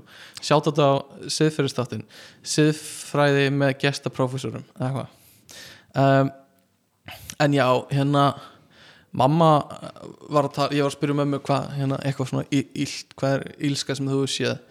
Og hún var að tala um hérna barnalækningar í gamla daga ekki lengur held ég en, en fyrir einhverjum árum og ekki drosa lengur síðan held ég þá voru þú veist eh, eða komið börn sem þurfti að framkvæma einhverja aðgerðir á sko unga börn. Um, þau voru með brotin bein það þurfti að, að leiðrétta einhverja bein eða eitthvað svona þú veist þau voru aldrei deyfð. Um, þau voru, það voru alltaf framkvæmt bara á þeim að því fólk uh, trúði ekki að, að þau hefðu bara getuna til að skilja það. Og skil, já, en, en hérna við trúum því ekki í dag held ég sko. Og, en það er lí- líka sko þessi, hún talaði líka um að þetta fólk sem getur ekki tjáð sig hefur oft endað svolítið illa í heilbriðiskerfinu mm veist, eins og börn, mjög ung börn kannski þroskaskertir og fleiri sem er bara get ekki já, get ekki tjáð sig get ekki komið hérna hvernig líður að. Og hérna uh, og, það, og henni fannst svo, svolítið ílska í því sko, hvernig við detouch eða svona aðgreindu þau frá hinu mannkynnu sko. einhvern veginn að, að við komum fram við þau öðru, við deyfðum þau ekki í aðgerðum. Einmitt, þó þau er að finna fyrir sama sásöku við. Bara getur ekki tjáðan já, getur ekki tjáðan og þá er það einhvern veginn allt í lagi. Mm -hmm. og, og þetta er sama með dýr skilur, einhvern tímann þótti ekkert rámt við það að bara sparki hunda og eitthvað svona að þetta er þín eign og þetta eru bara dýr Mhm. um, en svo einhvern veginn hefur þróast hvað er vont og hvað er illt og ekki illt sko. ég held að það sé líka svolítið mikilvægt er þessi þróun á því sem við skilgrinu sem ílsku sko. já, það er líka alveg spurning þá hvað, hvað eru að gera núna sem, Sem- að, sem að við eftir 20 ár lítum við tilbaka og erum bara hvað vorum við að pæla veist, Klálega. hvað, þú veist, þetta, er bara, þetta er bara ílska ég held að sé að gefa út svona mikið af podcastum sem þjóð. Það er ákveðin það er ílska ákveðin ílska Fyrir fyrir, fyrir sagfræðinga framtíð þú í að hlusta á þetta allt. Það er gegnum þetta allt saman. Um, hvað hva, hva myndið þú halda, halda í í, í framtíðinni þá Já. ég held að við förum ennþá meira onni sko uh, dýraafurður um, og ég held að það sem mun hjálpa okkur í því er sko tilrauna stofu kjött að, að þegar við erum orðin hætt að þurfa að borða alvöru dýr mm, og getur framleitt kjöti á tilraunastofu sem virkar mjög spennandi og, og hérna bara raunverulegur hluti sem gæti gerst bráðum er að það komi alvöru tilraunastofu kjöt mm það sem við erum með eh, kjöt sem er rækta frá grunni á tilraunastofu á þess að nokkuð sé lifandi uh, nokkuð tíman í ferlinu. Og þetta er kannski byggt af einhvern stofnfrumum. Og hérna og þá getum við fengið bara kjöt frá öllum mögulegum dýrategundum, mm mannakjöt þannig séð, við höfum rætt þetta einhvern tímann. En hérna, ég held að það að við þurfum ekki að kaupa alvöru dýraafurðir. Um, ég held að það gera okkur kleift að hérna setja þetta í eitthvað samhengi sko. Að, að hérna við erum hætti dýrin eru farin að lifa á annan hátt öðruvísi, þau eru ekki lengur við, við þurfum ekki stóla svona mikið á þau. Og hérna þá getum við aðeins fara að hugsa og við þurfum ekki að vera með þessa hérna uh, þessa hugsun sko ég elska kjötið mitt, raukt kjöt. eitthvað svona, þá, þá getum við bara veist, þetta eru lifandi verur sem eru hérna að þjást og eitthvað svona, ég, ég held að setja í ákveðið samingi að við þurfum ekki að, að, að reyða okkur á þau svona mikið sko. Hvað þú veist, bara tala um dýr mm. og, hva- og hvað hérna þú veist, finnst þér óþægilegt að borða dýrakjöt svona meira og meira sko. svona, eh, eftir því sem árin en, líða áfram sko. en hva, þú veist, hvað heldur það finnst þér, finnst þér óþægileg tilhugsunin um að dýr hafi verið drepið ég, sko, mér finnst óþægileg mér finnst uh, svona, svona eftir í hvað ég er að borða sko. mér finnst kjúklingar sérstaklega mér líður óþægilega að borða kjúklingar stundum. Finnst uh, að því þeir búa í svo óskaplega vondum aðstæðum. Og svínakjöld líka. Þó að kjúklingar séu líklega svona ég veit ekki greindar skertustu dýrin kannski af þeim sem við erum að borða. Já, þeir eru allavega ekki spendir um, en já, já algjörlega sko, það, sk- það skiptir ekki miklu máli fyrir mig. Um, og svo þú veist fiskar og kannski einhverja landbúnaðskeppnur eru svona ég minna sem fá svona labba meira frjálsar og eitthvað. Ok. En uh, já, ég veit ekki. Það það eru örgulega margir sem eru ös, myndu öskra mig núna bara dýrir morð, öll dýr. Já, já, já. en það er samt ekkit að skilgreina þetta eitthvað er skrítið það er kannski náttúrulega sumur sem finnst það bara algjörlega augljóst. Mm En ég held það- að við séum að fara þangað. Já, ég held að taki fullt af tíma já, og vinnu að færa okkur úr dýraafurðum. En ég er mjög hlindur því sjálfur. Mm, um, en, en ég er samt ekki ég er ekki ég er ekki komin okkar núna sko. Nei, og ég er ekki hérna uh, hoppandi reyður yfir uh, yfir, þú veist að við séum að neyta dýraafurða sko. Nei. En finnst þér þá veist, finnst þér alltaf lægi sjálfur að fara og veiða dýr? Uh, þetta, sko, þetta er alveg umræða út fyrir sig en hérna ef ég er að neyta dýraafurða og ef, ef það er mín afstæða í lífinu þá finnst mér það skárra sko. Já, ef ég ætla yfir höfuð að gera það. Um, ekki, veist, það er ekki afsaka neitt eða þú veist, það er ekki eitthvað svona þetta er í lægi af því ég er að drepa dýrið sjálft sko. en minnst það í fyrsta lagi alls ekki verra ef þú gera það bara þú veist, ekki sem sport heldur bara til þess að, að hérna borða. Er, er einhver sem gerir það? já, að drepa dýr fyrir sport? Nei, ég er að segja, er einhver sem gerir það ekki fyrir sport? já, já, fullt af fólki. Er það í raunverulega? Þess, ef ég fer og drep hreindýr þú veist, ok, ég borða það en það var samt bara fyrir sportið. Ég fór ekki til þess að veiða hreindýr í matinn. Já, og sama þegar þú fer að veiða fisk þú ert ekki að veiða til þess að fá í matinn. Ekki. ég, sko, fjölskylda mín hefur gert það mjög lengi. Þú veist, það, það er samt svo auðvelt að fara bara og ekki eh, þegar pappi var yngri þá, Nei, ok, þegar, en þú veist núna þegar fólk sem Núna? fer í veiðiferði núna. Ég veit það ekki. Veit það ekki, Sum, sko, eins og fjölskylda mín vill borða fiskinn sem er í vatninu okkar sem við erum með, getum veitt í og finnst það bara betri og, og þú veist, vill frekar þann fisk heldur en annan. Já, þannig að, já, ég veit ekki. Ég skil alveg hvað það meina, ég held að þetta sé rosa mikið sport, en ég er líka vissum að það sé margir sem gera það ekki bara fyrir sport sko. um, en hérna já, hvað vorum við að tala um? Vorum að tala um, já, dýraafurðir. Uh, þannig að ég veit ekki ég er spenntur að sjá hvert það þróast sko.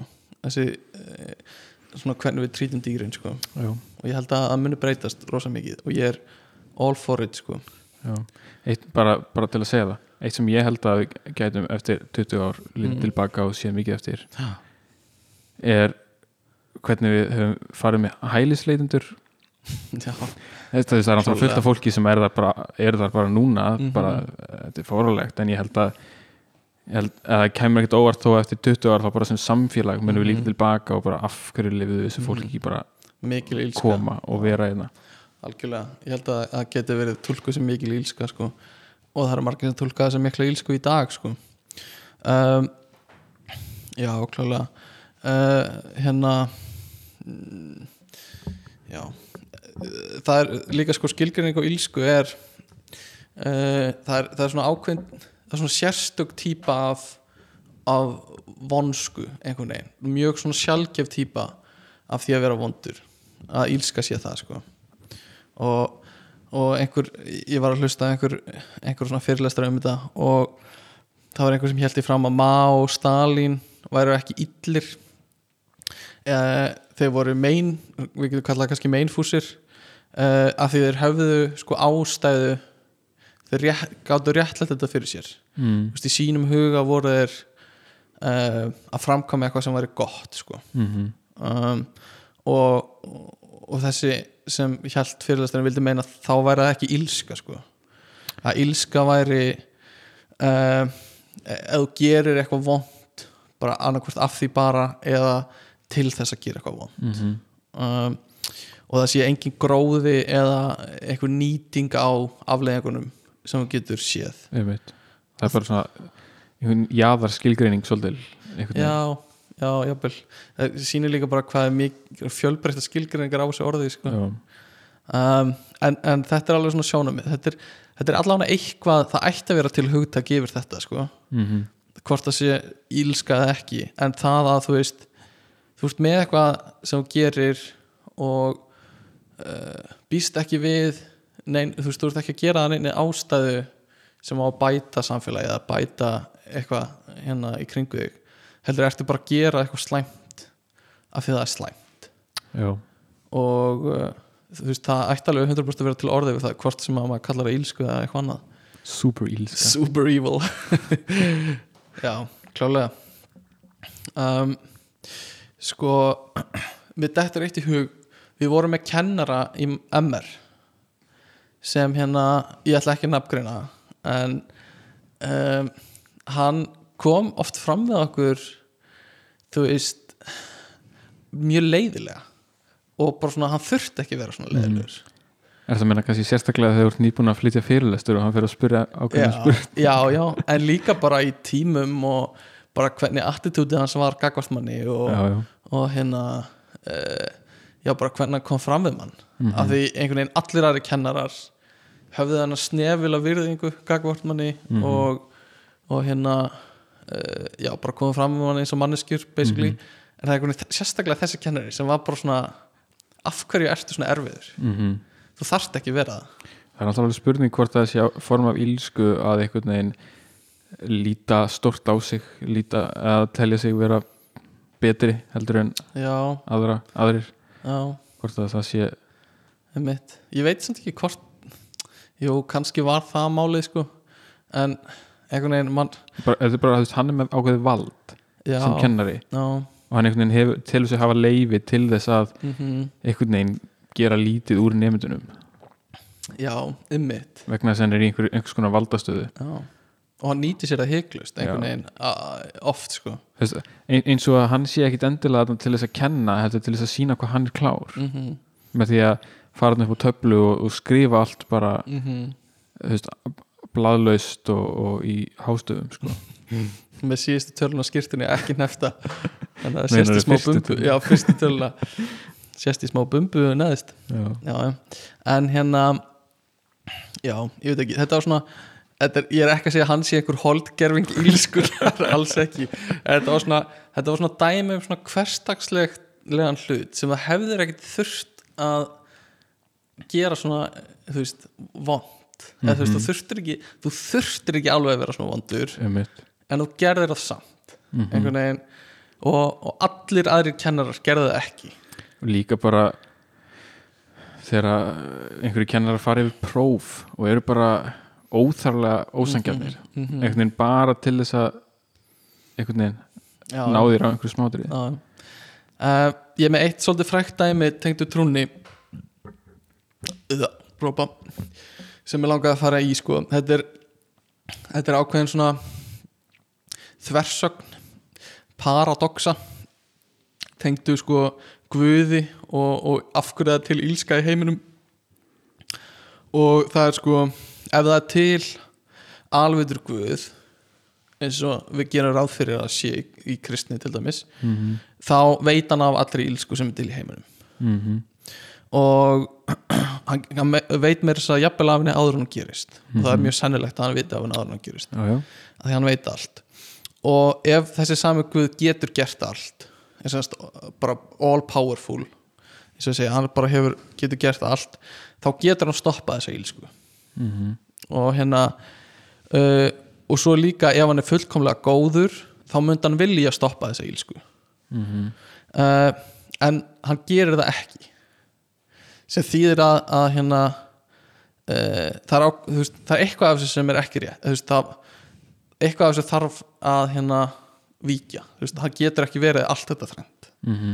af því það er til ílska í heiminum og við, við höfum upplifað hana og hérna hann ætti að geta komið í veg fyrir hana í rauninni uh, og þetta er svona, svona ákveðin paradoxa sem er, sem er mjög fræg hjá hérna bara gaggrínendum trúarinnar og líka bara svona hérna spekingum, trúarspekingum sem, sem eru ekkit endilega gaggrína heldur bara að pæla. Og uh, svo eru einhver svona rök uh, uh, þú veist til að verja afstöðu Guðs þú veist að hann er að gefa mönnum frjálsan vilja og hérna og þeir eru að taka ílsku vondu ákvarðaninnar Mm. en það er samt, þú veist krabba meini nýfættu börnum og, alls konar svona vondir hlutir sem gerast samt mm sem eru óháðir hegðun mannana um, þannig að það svo hérna rauksandafærsla er ekki svona er, er á smá bröðfótum sko. Mm uh, en svo er líka sjónum með sko að það er ekki til góð mennska nema að sé til ílska það, bara, það, það, það þarf að vera til ílska til þess að, að það sé til góð mennska og að það sé bara það, það sé hluti af, af planinu hjá Guði sko. Að hérna vilja hafa ílskuna með í, í öllu mixinu sko. Uh, og uh, þá, þá, en þá er líka hægt að koma með mótrök á móti því og segja ílskan þarf ekki að vera svona ógesla íll það er kannski nóg að, að þú fá hraðasekt einu sinni og, og hérna stýra hún í poll. Það þarf ekki að vera uh, raðmorðingjar og, og raðnöðganir og, og hérna þú veist augnakrabba mein í hérna uh, augnamódelum og eitthvað svona, þú veist. En ef, ef að ílskan væri ekki svona slæm þá Mm. væri væntalega góður hlutinir heldur ekki svona góðir. Já, sko fólk vil samt meina að uh, þú veist, í bara svona í hverstagsleikanum þá finnum við samt veginn fyrir þessu opaslega góða. Þú veist, ég hef aldrei þurft að díla við eitthvað ógesla slæmt en ég næ samt að setja það góða í, í rétt samhengi skilur bara í svona í hverstagsleikanum mm. það þarf ekki vera þessi ekstrím ílska til þess að ég geti sett restin í samhengi skilur mig? Mm þannig að það er alveg góð punktur sko. Maður hefði kannski haldið að það þyrfti að vera ekstrím ílska en svona það virðist vera eins og ég sem einstaklingur geti samt sem áður sett það góða í rétt samhengi á, áninnar sko. Mm.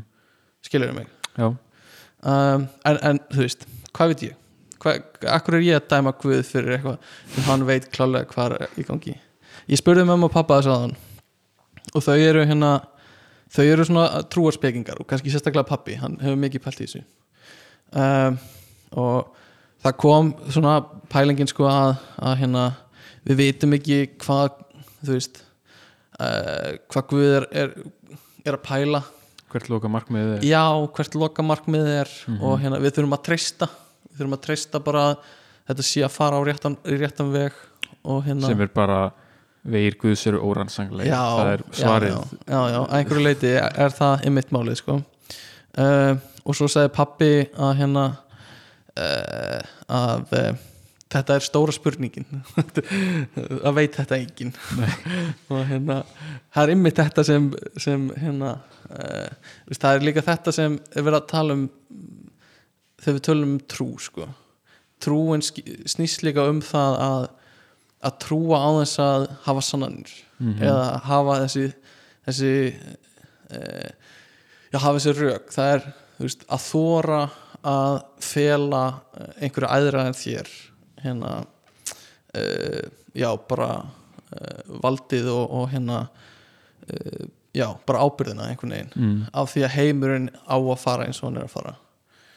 Um, þetta eru stóra spurningar sko. Og ég vissum að eitthvað sem ég hef sagt núna að fóreldrar mínir er að fara að segja þú hefur ekkert að segja þetta ég sagði þetta ekki, þú ættir að segja þetta allt öðru sem er sem er líka bara alltaf leið og, og ég vissum að ég segja eitthvað mjög villist núna um, já. En bara tengt þessu. Ef, ef að það er er áhugaverð pæling ef að, ef að Guð eða einhver, einhver svona yfir náttúrulega vera mm, se- setur leikreglunar mm að þá er hann í rauninni búin að ákveða fyrirfram með öll möguleg atök sem kemur upp hvort þau séu góða vond. Já.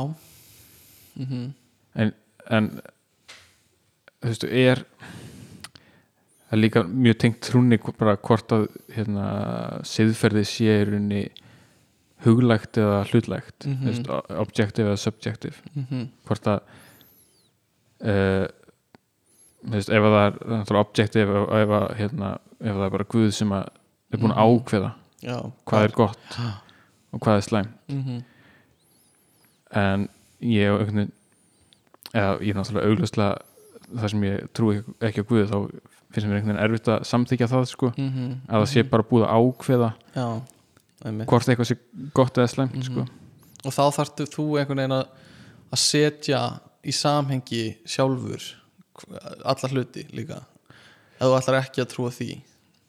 Þá er ekki einhver svona ein ákveðin skilgreining á góða eða slæmu. Nei, einmitt. Þú, þú ert svolítið þú berð líka svolítið ábyrð á því að setja í samhengi hvað er gott og hvað er slæm já, einmitt sem er já, það er erfitt það er margt, margt sem hérna sem maður veit ekki alveg hvort er gott eða slæmt sko.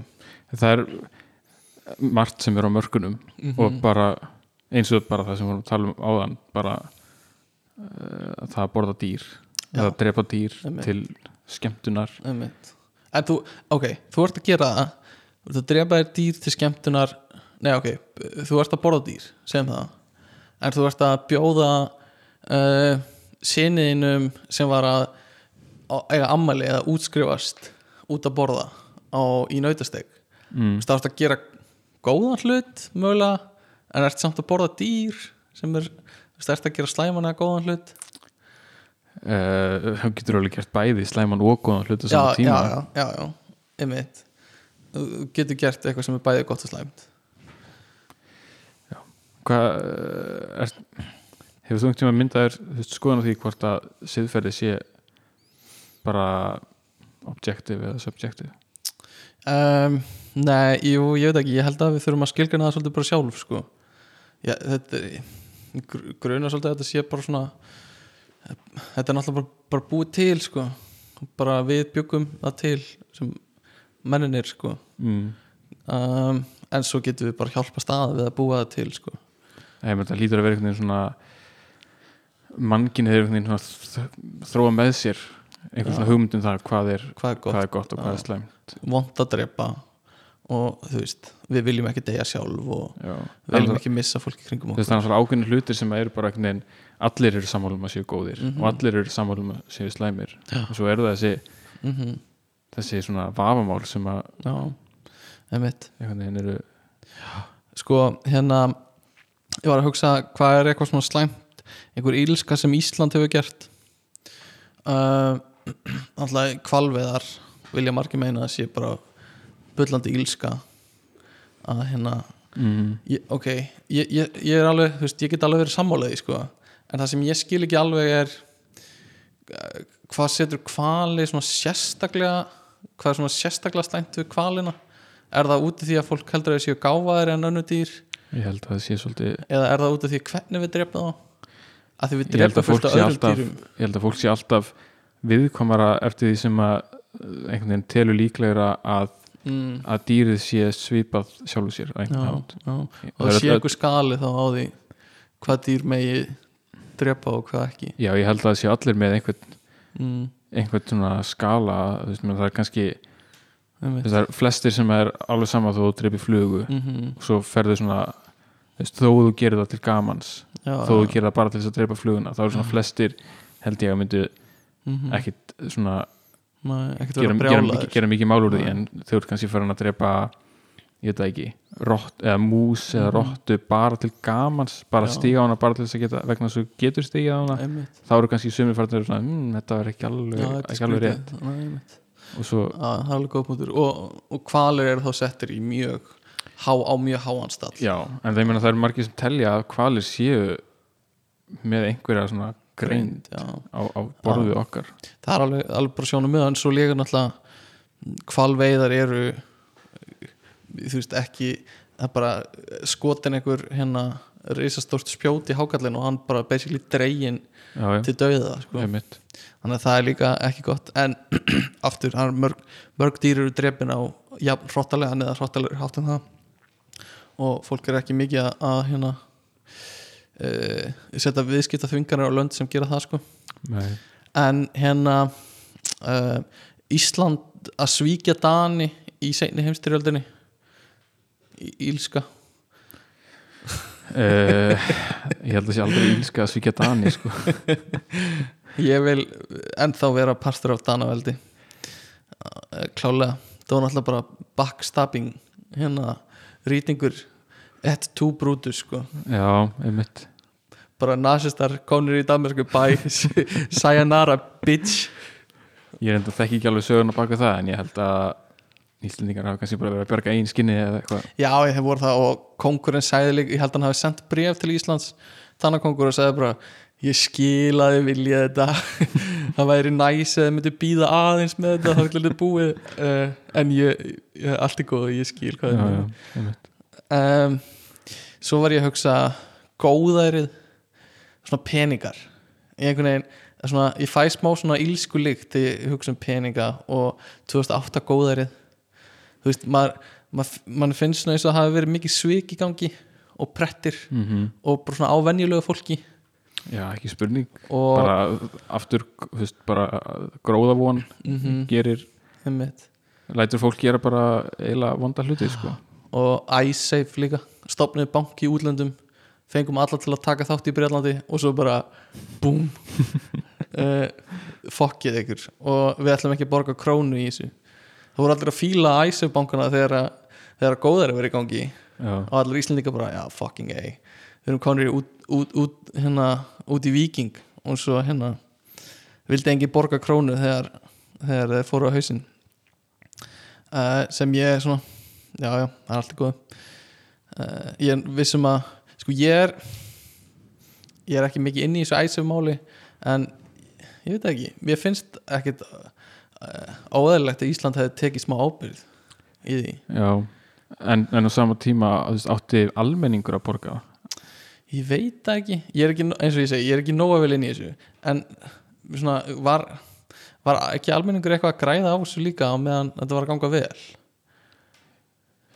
Jú, örgulega, örgulega jú, jú, Eh, en það er samt ekki almenningur sem að Nei, koma upp þessu nei. kerfi og Nei, nei, neina, það er láta, rétt, sko. láta almenning borga brúsan í mörg, Nei, nei. mörg ár og ég er ekki að segja að við hefðum sko. átt að borga sko. ég er bara svona ég er er svona aðeins, ég, ég veit ekki nefnilega hvað, alveg hvað er bak við það og ég er Nei. svona að segja að kannski hefðum við átt að skoða en ég er ekki, ég er ekki vissan það sko ég er alls ekki að segja að það var að náttúrulega hell- helling skoðað það var ekki kosið á tvisvar sko. jú, jú, jú, ákvæmst til þess sko uh, en ég var ekki nóg mikið inn í uh, hérna eh, fréttum á þeim tíma sko. Hvað meinar, varstu ekki 13 ára eða eitthvað? Mm. varstu ekki að vera að fylgjast með Já.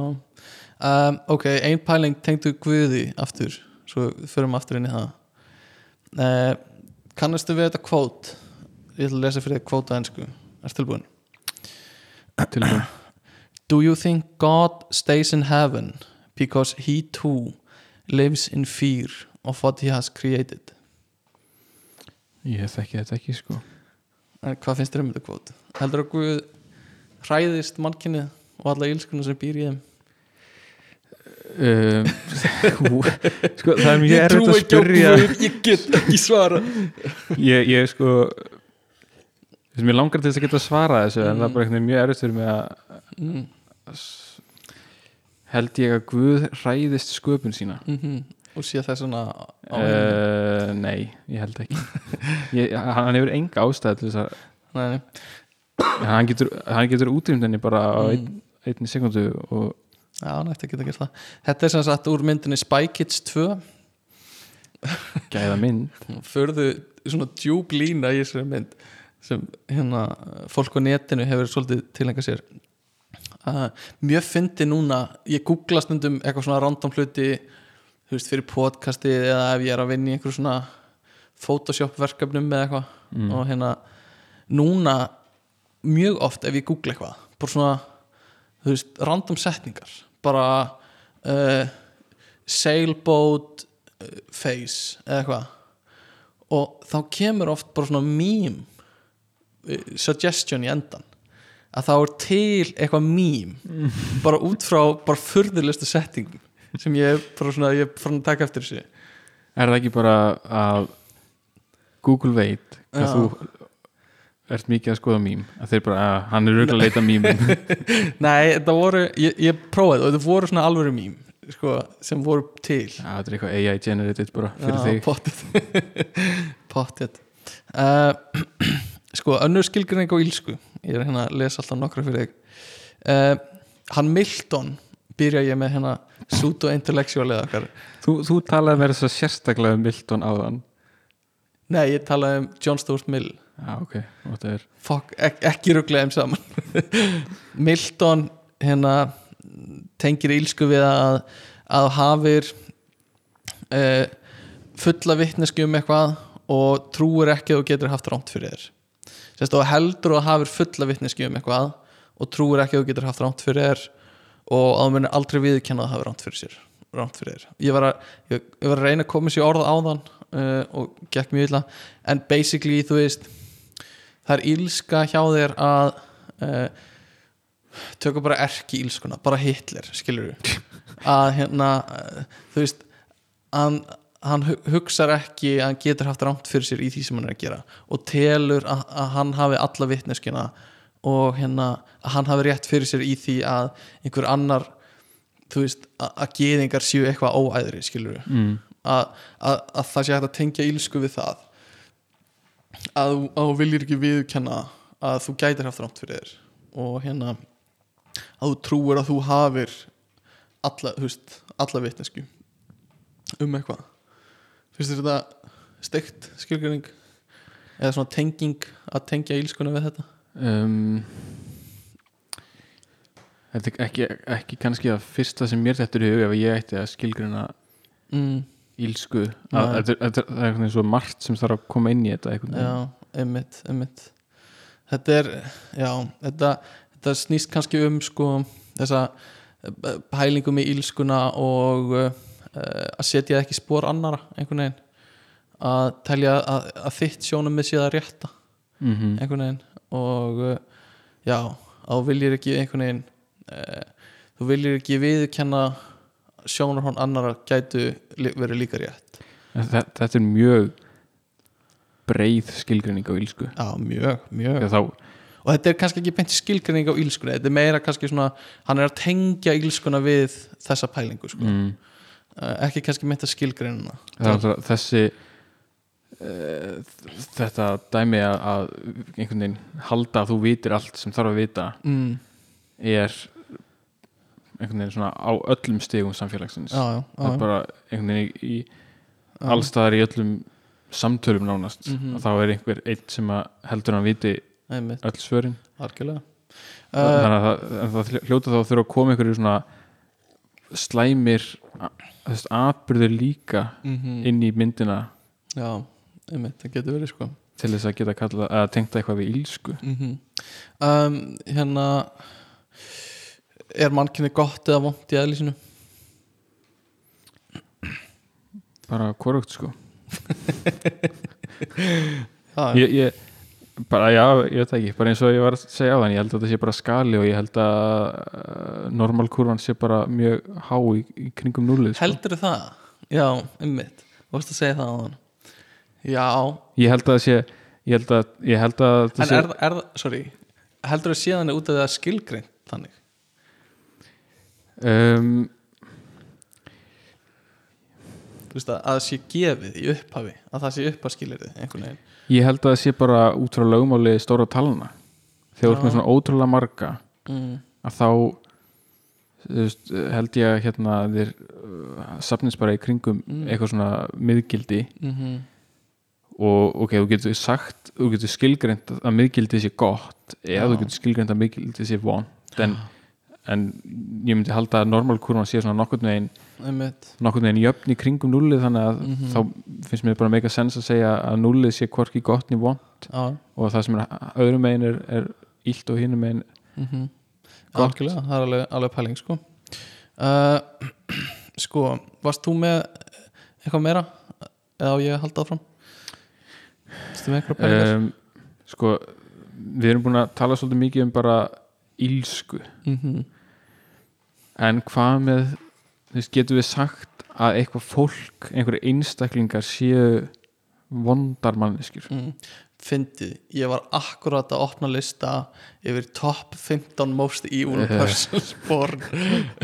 Má ekki skað googlaður það og þú tókst fyrsta linkin Nei, ég, ekki eins og linkinu, ég googlaði það og þetta er eitthvað svona listi sem Google, Google Ah, auto-generate að Google er búin að taka afstöðu til þess verstu menni í sögunni. Nei, en þú veist, já uh, ég meina það, það myndi allir segja að Hitler sé vond manneskja. Já. en svona hvað en þú veist, en, en Eru manneskunum vondar eða eru gjörðirnar sem manneskinn framkomur vondar? já, það er einmitt Ég held að manneskjunum séu vondar ég held, held ándjóks að séu til bara vondar mannesku já, en, en hver það er, það er náttúrulega fullt af manneskjum sem hafa gert illa hluti Mhm. en gerir það manneskjuna illa hversu mikið illt Mhm. þarf það að gera til þess að vera ill manneskja eða Já, vond já. manneskja og ég veit ekki, ég held að gæti tengst í sko uh, hvort þú yðrist sérð eftir því uh, og ég er ekki að tala um sko að fá fyrirgefningu eða við erum að tala um bara sko hvernig manneskjan bara áttar þig á að þú gerir já, eitthvað á já, og hérna og bara, þú veist, þú ert ekki að reyna að fá fá einhverju viðurkenningu frá öðru fólki um að þú sért eh, góð manneskja heldur, eða ekki vond manneskja. Heldur þetta líka bara svona að þú vitir sjálfur að þú ert ekki vond manneskja. Þannig að þú veist, ef þú yðrast virkilega, það held ég að skipta máli. Mm. en líka ef þú gerir veist, innan geðslega brýtur að þér aftur og framkomir aftur og aftur Mm. slæmi hlutina sko. Og hérna e, ég veit ekki, ég held að það geti skipt máli sko. Já, uh, og þá er líka, þú veist ég er ekki veist með að sé nóg bara eitthvað svona uh, að hrækja alltaf á bílinn hjá yfirmanniðinu þú labba fram hjá í, á leiðinu vinnuna. Heldur, þú veist, þetta þarf að vera einhverju alvöru vondir hlutir, þú veist til að gera það illan sko. Mm en ég held samt að það séu til bara illar bara, já, bara manneskir sem eru innrættar af ílsku þegar maður heyrir sögur bara af fólki sem er uh, haldið einhverjum konum sem eru haldið föngnum og bara nauðgað í 20 ár og eitthvað svona. Þú veist, þá bara, það getur ekki verið annað en þessi manneski sé bara illa innrætt. Já, hvað fælst í því að vera illa innrætt? Er það sjúkdómsástand? Nei, ekkit endilega. Bara, þú veist kannski er þetta manneski sem framkvæmir einhvern, einhvern illverknað og, og fer svo veist, upp inn í stofu og er bara miður sínu öngum sér og, og hérna þú veist, byggðu guðum að fyrirgefa sér en svo næstu ykkur gera hún sama hlutin aftur. Þú veist, ég held að það sé ekki ég er ekki sem getur að sé sjúkdómur. Það getur alveg verið Já, geðsjúkdómur. Það getur verið það. En ég held samt að fólki Þú veist Ég held að sé til fólk sem er ekki Þjáist ekki einhverju svona eiginlegum Gæðræðin sjúkdómi heldur sé bara vond sko. mér er svolítið skrítið að segja að fólk sé bara von e, Já, það er kannski ekki hægt að segja að einhver sé bara sé bara hérna Er það?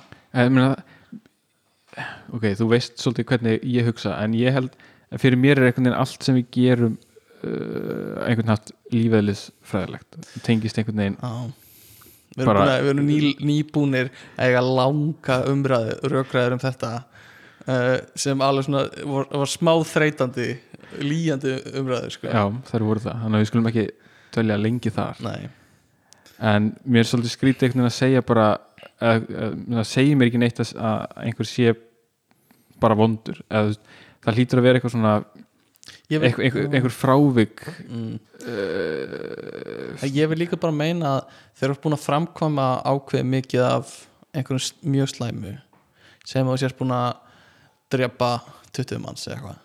Að þá sé bara hægt að skilgrina þeir sem bara vondamannisku og þú ert, ekki, þú ert ekki veikur þannig séð.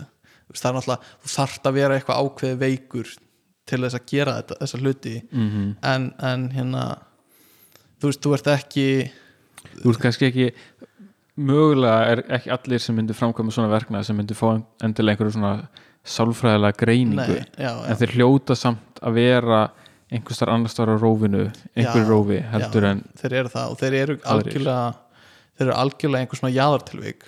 Já, en ég vil samt meina að þeir eru búin að framkvæma að gera þetta. Þá ertu bara vondur. Þú veist, ég, ég, ég er bara hægt að já, skilgreina þessum vondar en þá ertu þá ertu bara einhver svona flokkun. Já, já, já, þú mátt alveg þá hugsa ertu bara svona kriterja sem þú þarf að uppfylla og þá ertu komin í vondaflokkin þú veist, já, já, að þú vilt hugsa það þannig. En ég held En- bara að, að þú hafi sínt en, að en, þú var, en varstu innrættur þá af ekki, illsku, en varstu ekki vondur áður þú framkvæmdur verkefni jú, jú, jú. Uh, að þú ert bara að þú ert hæfur um að gera þessa hluti sem ég held að fæstir síu mm. skilur uh, en, en þú, ert kannski meira sínilega innrættur af ílsku þegar það er búið að komast upp. Þetta er bara, þú veist þú ert, þú ert alveg jafn slæmur fyrir og eftir að það komið upp um morði Mhm. eða glæpina þeina uh, að ég veit ekki, ég held að þetta sé líka bara skilgræningratrið sko. En ég vil alveg meina að sé til bara virkilega illt fólk í heiminum bara sem er að bara eins og með hérna róttubörnin í Pakistan sem eru bara að nýta sér börn skilur til þess að græða peninga Mhm. og bara eigðalega líf þeirra og bara, bara hérna uh, mistyrma þeim. En heldur að það fólk réttlega ekki nei, ég- það hefur náttúrulega réttlætingu ah. en ef þú myndir taka saman fólk og Mm. setja það einhvers þar annars þar í heiminn mm -hmm. mynd, eins og bara vorum að tala með Hitler á Mm myndi það líka framkvæma einhverja Nei, Slæma- verknaði þar ég held kannski einhverjir en ég held að margir séu bara uh, skiptið það bara máli hvað það alveg upp og gildin sem eru innrætt með og, og kannski gena, skiptið genin líka einhvern máli Mhm. en, en ég held að sé rosa mikið bara aðstæður sko. uh, en sumir veist, komast gegnum aðstæður án þess að veist, lifa við mjög erfið skilirði og velja það að mistrima ekki börnum til að græða penning Mhm. þú veist, eru í alveg jafn erfiðri stöðu en bara taka þær þá ákvörðun að gera þetta ekki Mhm. en þessir einstaklingar taka þá ákvörðun að gera þetta þannig að ég held að það, það, það skilur fólkið að sko. Mhm. hvort það sé að í, bara illa innrætt eða ekki um, þannig að ég held að sé ekki sko ég held að sé ekki allir sem myndu hérna í þessum aðstæðum gera það sem þetta fólk, þú veist, einhverju slæma hluti ég held að, ég held að fara bara eftir í hvort fólk er eh, gott eða slæmt sko á einhvern hátt, en þetta er auðvitað einföldun á mjög flóknu hugtaki. Mhm. en ég held samt að það sé til bara vond fólk sko. Að eðlisfari. Uh, já, en það er þá líka eðlisfæri getur verið bara lær, lærað hegðun eða sko, mm. ekki bara eitthvað genatíst eðlisfæri sko. þannig að já, ég, ég held það sko. En þá erum við að tala um eitthvað svona mögulega eitthvað svona trigger. Já, það getur verið sko. Einhver, einhver, einhver atbyrður eins og þú varst að tala með Hitler eitthvað kannski sem kom fyrir hann í stríðinu eða eitthvað, mm. það gæti alveg verið sko.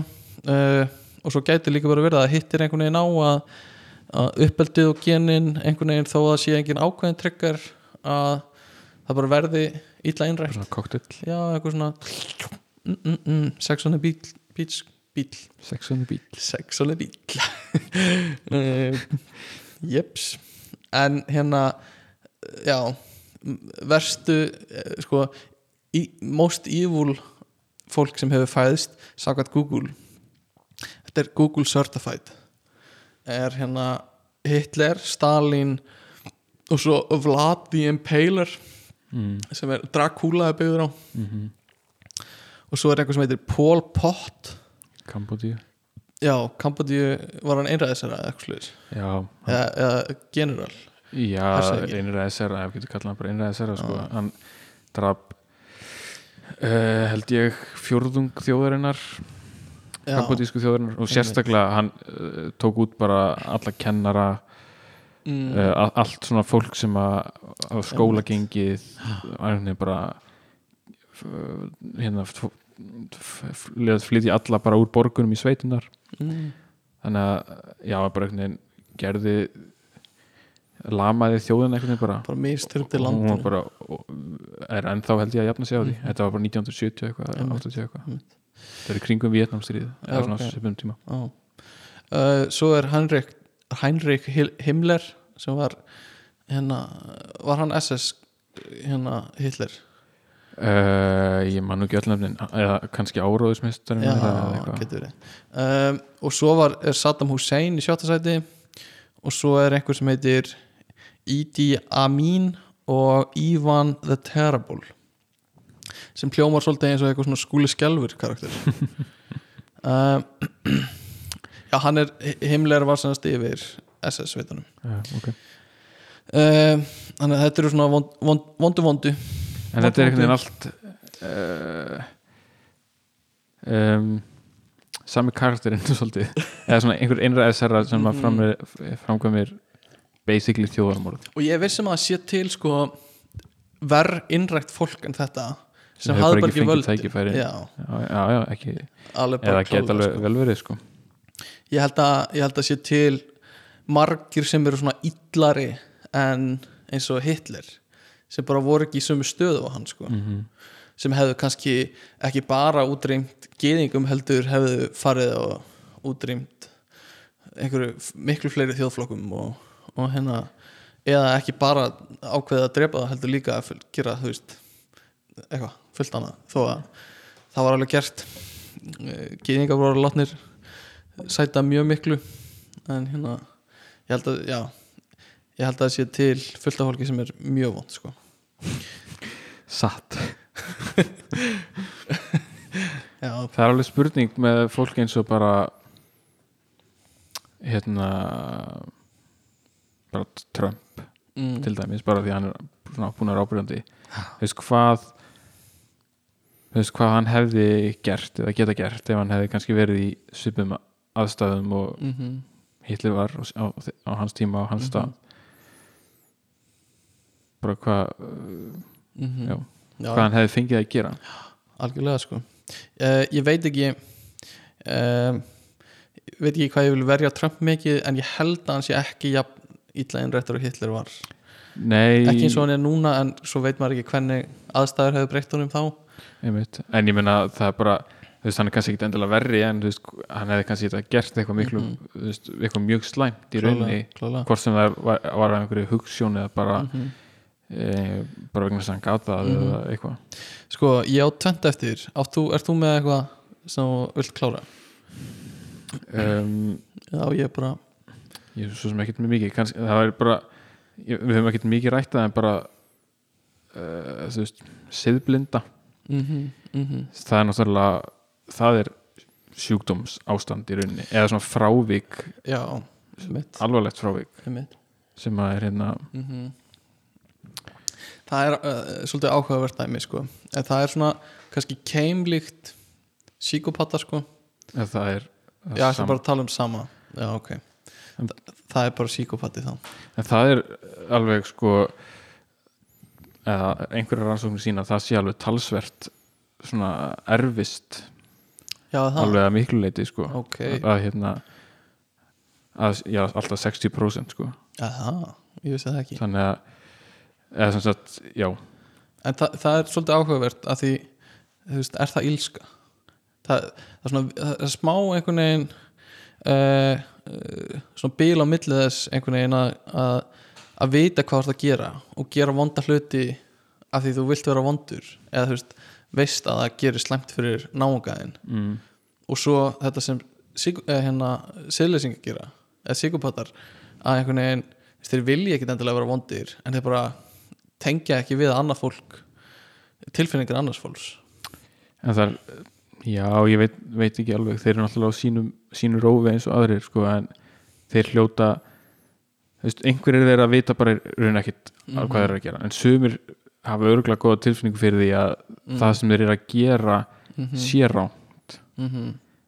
en einhvern veginn ráða ekki við það eða bara, veist, þeim er alveg sama en þeir, vit, þeir vita þeir eru að valda þjáningu en Mhm. þeim er bara alveg sama Já.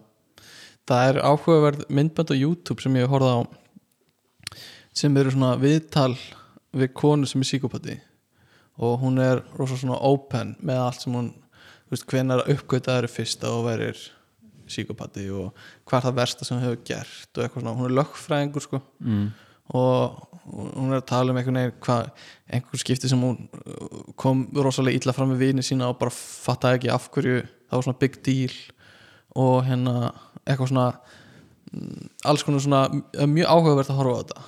Af því hún er líka svo opin með þetta. Og, og það er ekki það er ekki vottur á skömm í neinu af slæmi hlutunum sem hún talar um. Mm bara svona, sem gefur að skilja. En bara svo áhugavert að heyra svona frásögn frá svona manneski sko. -hmm. Já, ég er búin að finna þetta hérna. Þetta heitir Psychopathylis.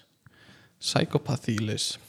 Og hérna eru nokkur viðtöl við, við hérna sömu konuna sem hérna sem er psykopati og hún er spurð út í bakgrunn sinn og af hverju hún ákvað að fá fara í meðferð sko, sálfræði meðferð við þessu og eitthvað svona.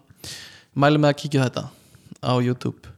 Uh, sko mér langaði svolítið að hérna uh, skoða uh, bara svona hvað er illt í sögunni eins og kjarnurku sprengjan það er engin tilgangur með henni annað en að drepa fólk og þú veist, maðurinn sem bjó hana til sá rosalega mikið eftir því að hafa búið hana til. Um, og hérna uh, þú veist þetta er, þetta er hlutur sem hefur bara valdið til að eyða heiminum. Mm -hmm. eyða öllu líf allavega mannlegu lífi í heiminum. Mm Þú veist, af hverju myndir þú búa það til?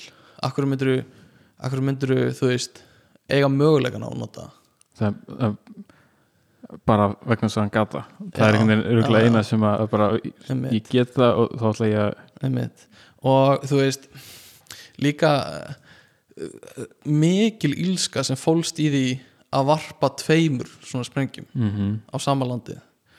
Uh, það er bara það er ekki hægt að skafa neitt af því sko að hérna að bara rosalegt hjá bandarækjumannum yfir tveimur stórum borgum að gera það sko. -hmm.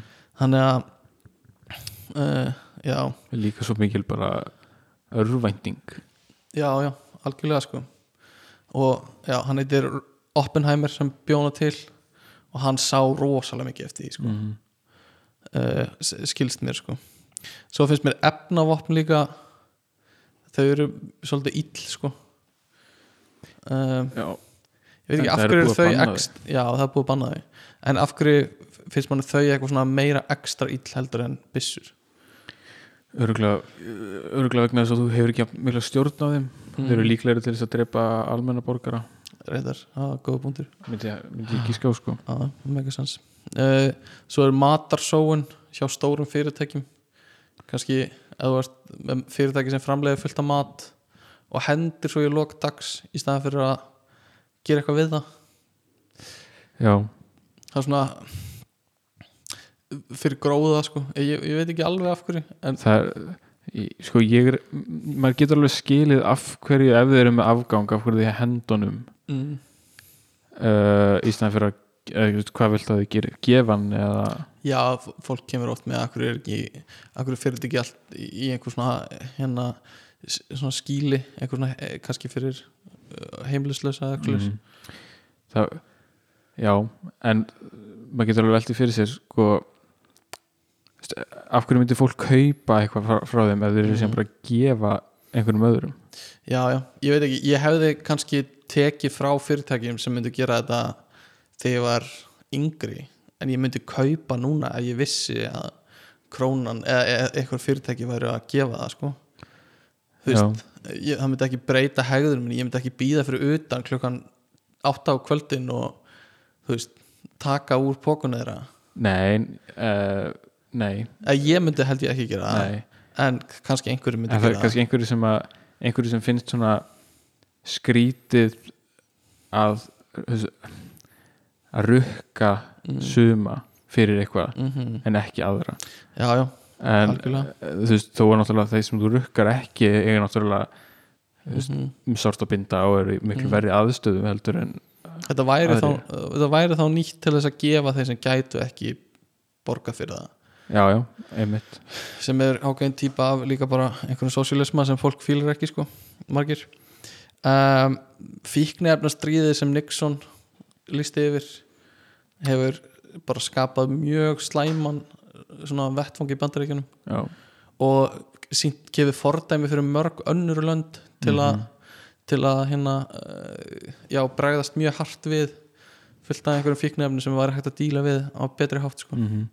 En er það er það ílska sko, það verðist hafa verið einhver svona kynþáttadrif í því sko. uh, þú veist það var það var sérstaklega tekið hart á hérna fíknefni sem voru algeng í hérna svartra hverfum eins og Mm. krakk, krakk kokain sem var bara kokain sem var búið til basically fyrir fátakari og kannski svona meira uh, fólk sem var svart sko mm, uh, til þess að þau myndu veist, þetta er verri típa á kókaini og hérna til þess að þau myndu fara ekstra ill út úr í og svo tók ríkistjórun ekstra hart á þeim svona þannig brotum já, og var fókusar rosa mikið á einhver svona þannig hverfi. Já, þannig að þetta var svona, það var eins og að væri vísvitandi verið að ráðast á ákveðna hópa.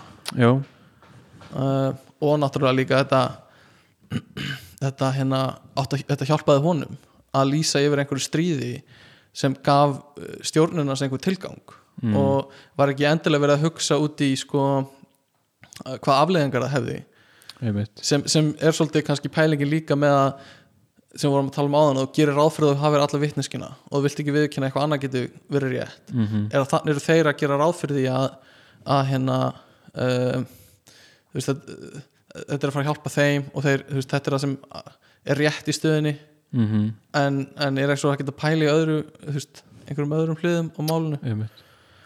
En það er einhvern veginn líka þú veist þegar já, þetta er kannski bara meira svona einhver skamsýni líka Mm. að einhvern veginn mm að lá- láta þeir ekki detta eitthvað betra í hug. Mhm. heldur en bara, ó, þetta er, þetta er ólöglegt ok, lýsum bara s- stríði. Já, í staðan fyrir að, að reyna að finna þá einhverja að hjálpa í rauninni fólkinu sem er í þessum aðstæðum sem að eru loksins byrjað að gera eitthvað. Mhm. en Svo- það er samt, samt svolítið svona þversögn fólkin í því einhvern Mhm. veginn að einmitt.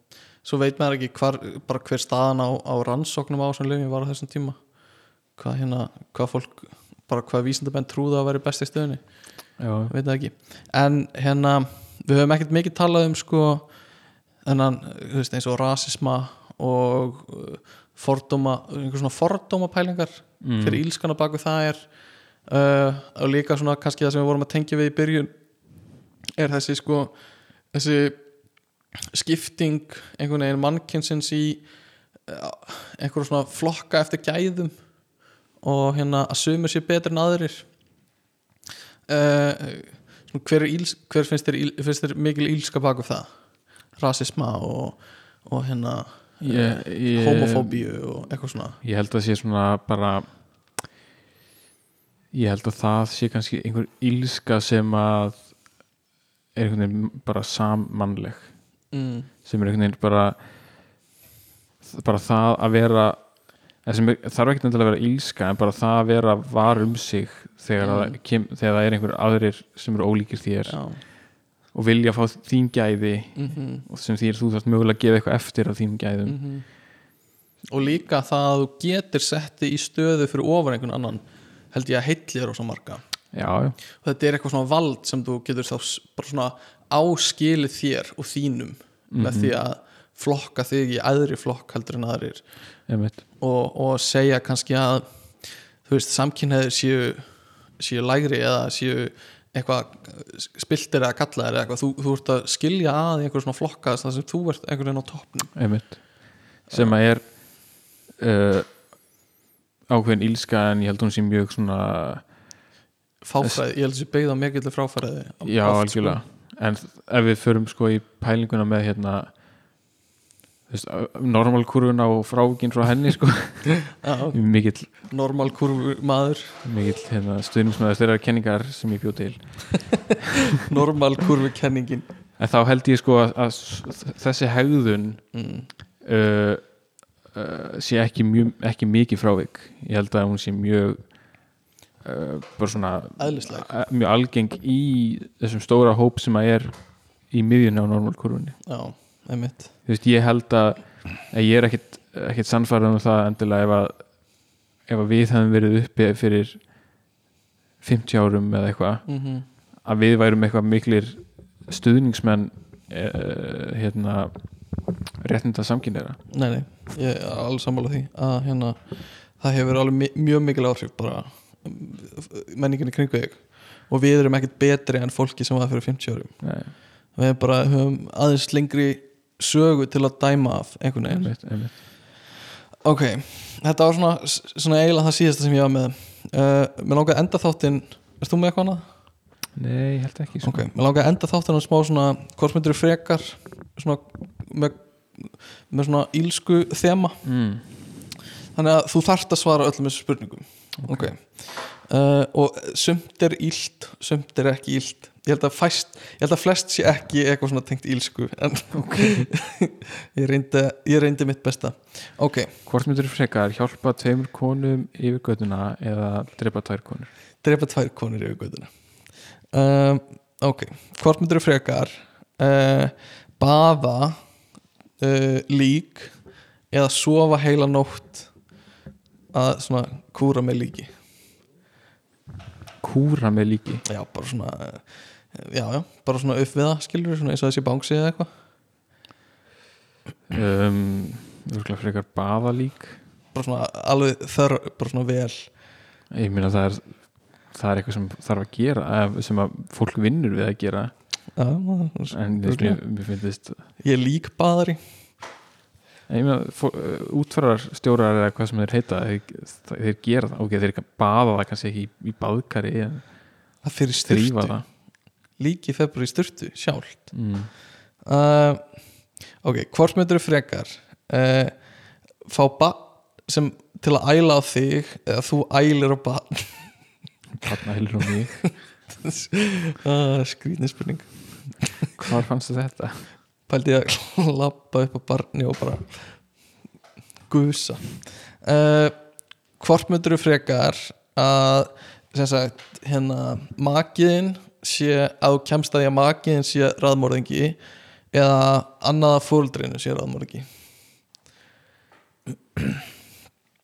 Mm, hvað er svona gott að annað fóröldurum, Aha, ég held það Þú vilja vita að það er genunum þínum að það sé raðmörðinga gen hjá þér.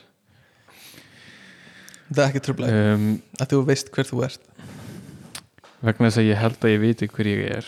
Okay. Vist, ég, ég myndi segja ef ég uh, ef ég er með einhver raðmörðingja gen þá Mhm. væri ég farin að finna fyrir þeim núna. Eða þú veist, ekkert endilega raðmörðingja gen en bara einhver svona tendency sem einhverjar óæskilega sneiðir Já. sem, þá var ég örugglega orðin var við þau sko. uh, og auk, auk þessum að veist, við erum bara að hugsa um að fá að vita en Mhm. ekki að ég þurft að velja hvort væri raðmörðingi mm ha, þú, þú var spurningin ekki hvort myndur frekar vilja fá að vita? Ja, sko, annarkvort er að er það skilur við já, Já. hvort myndur vilja að makiðin er raðmörðingi eða eitthvað að fóldreinum já, ok eitthvað fóröldurum ok.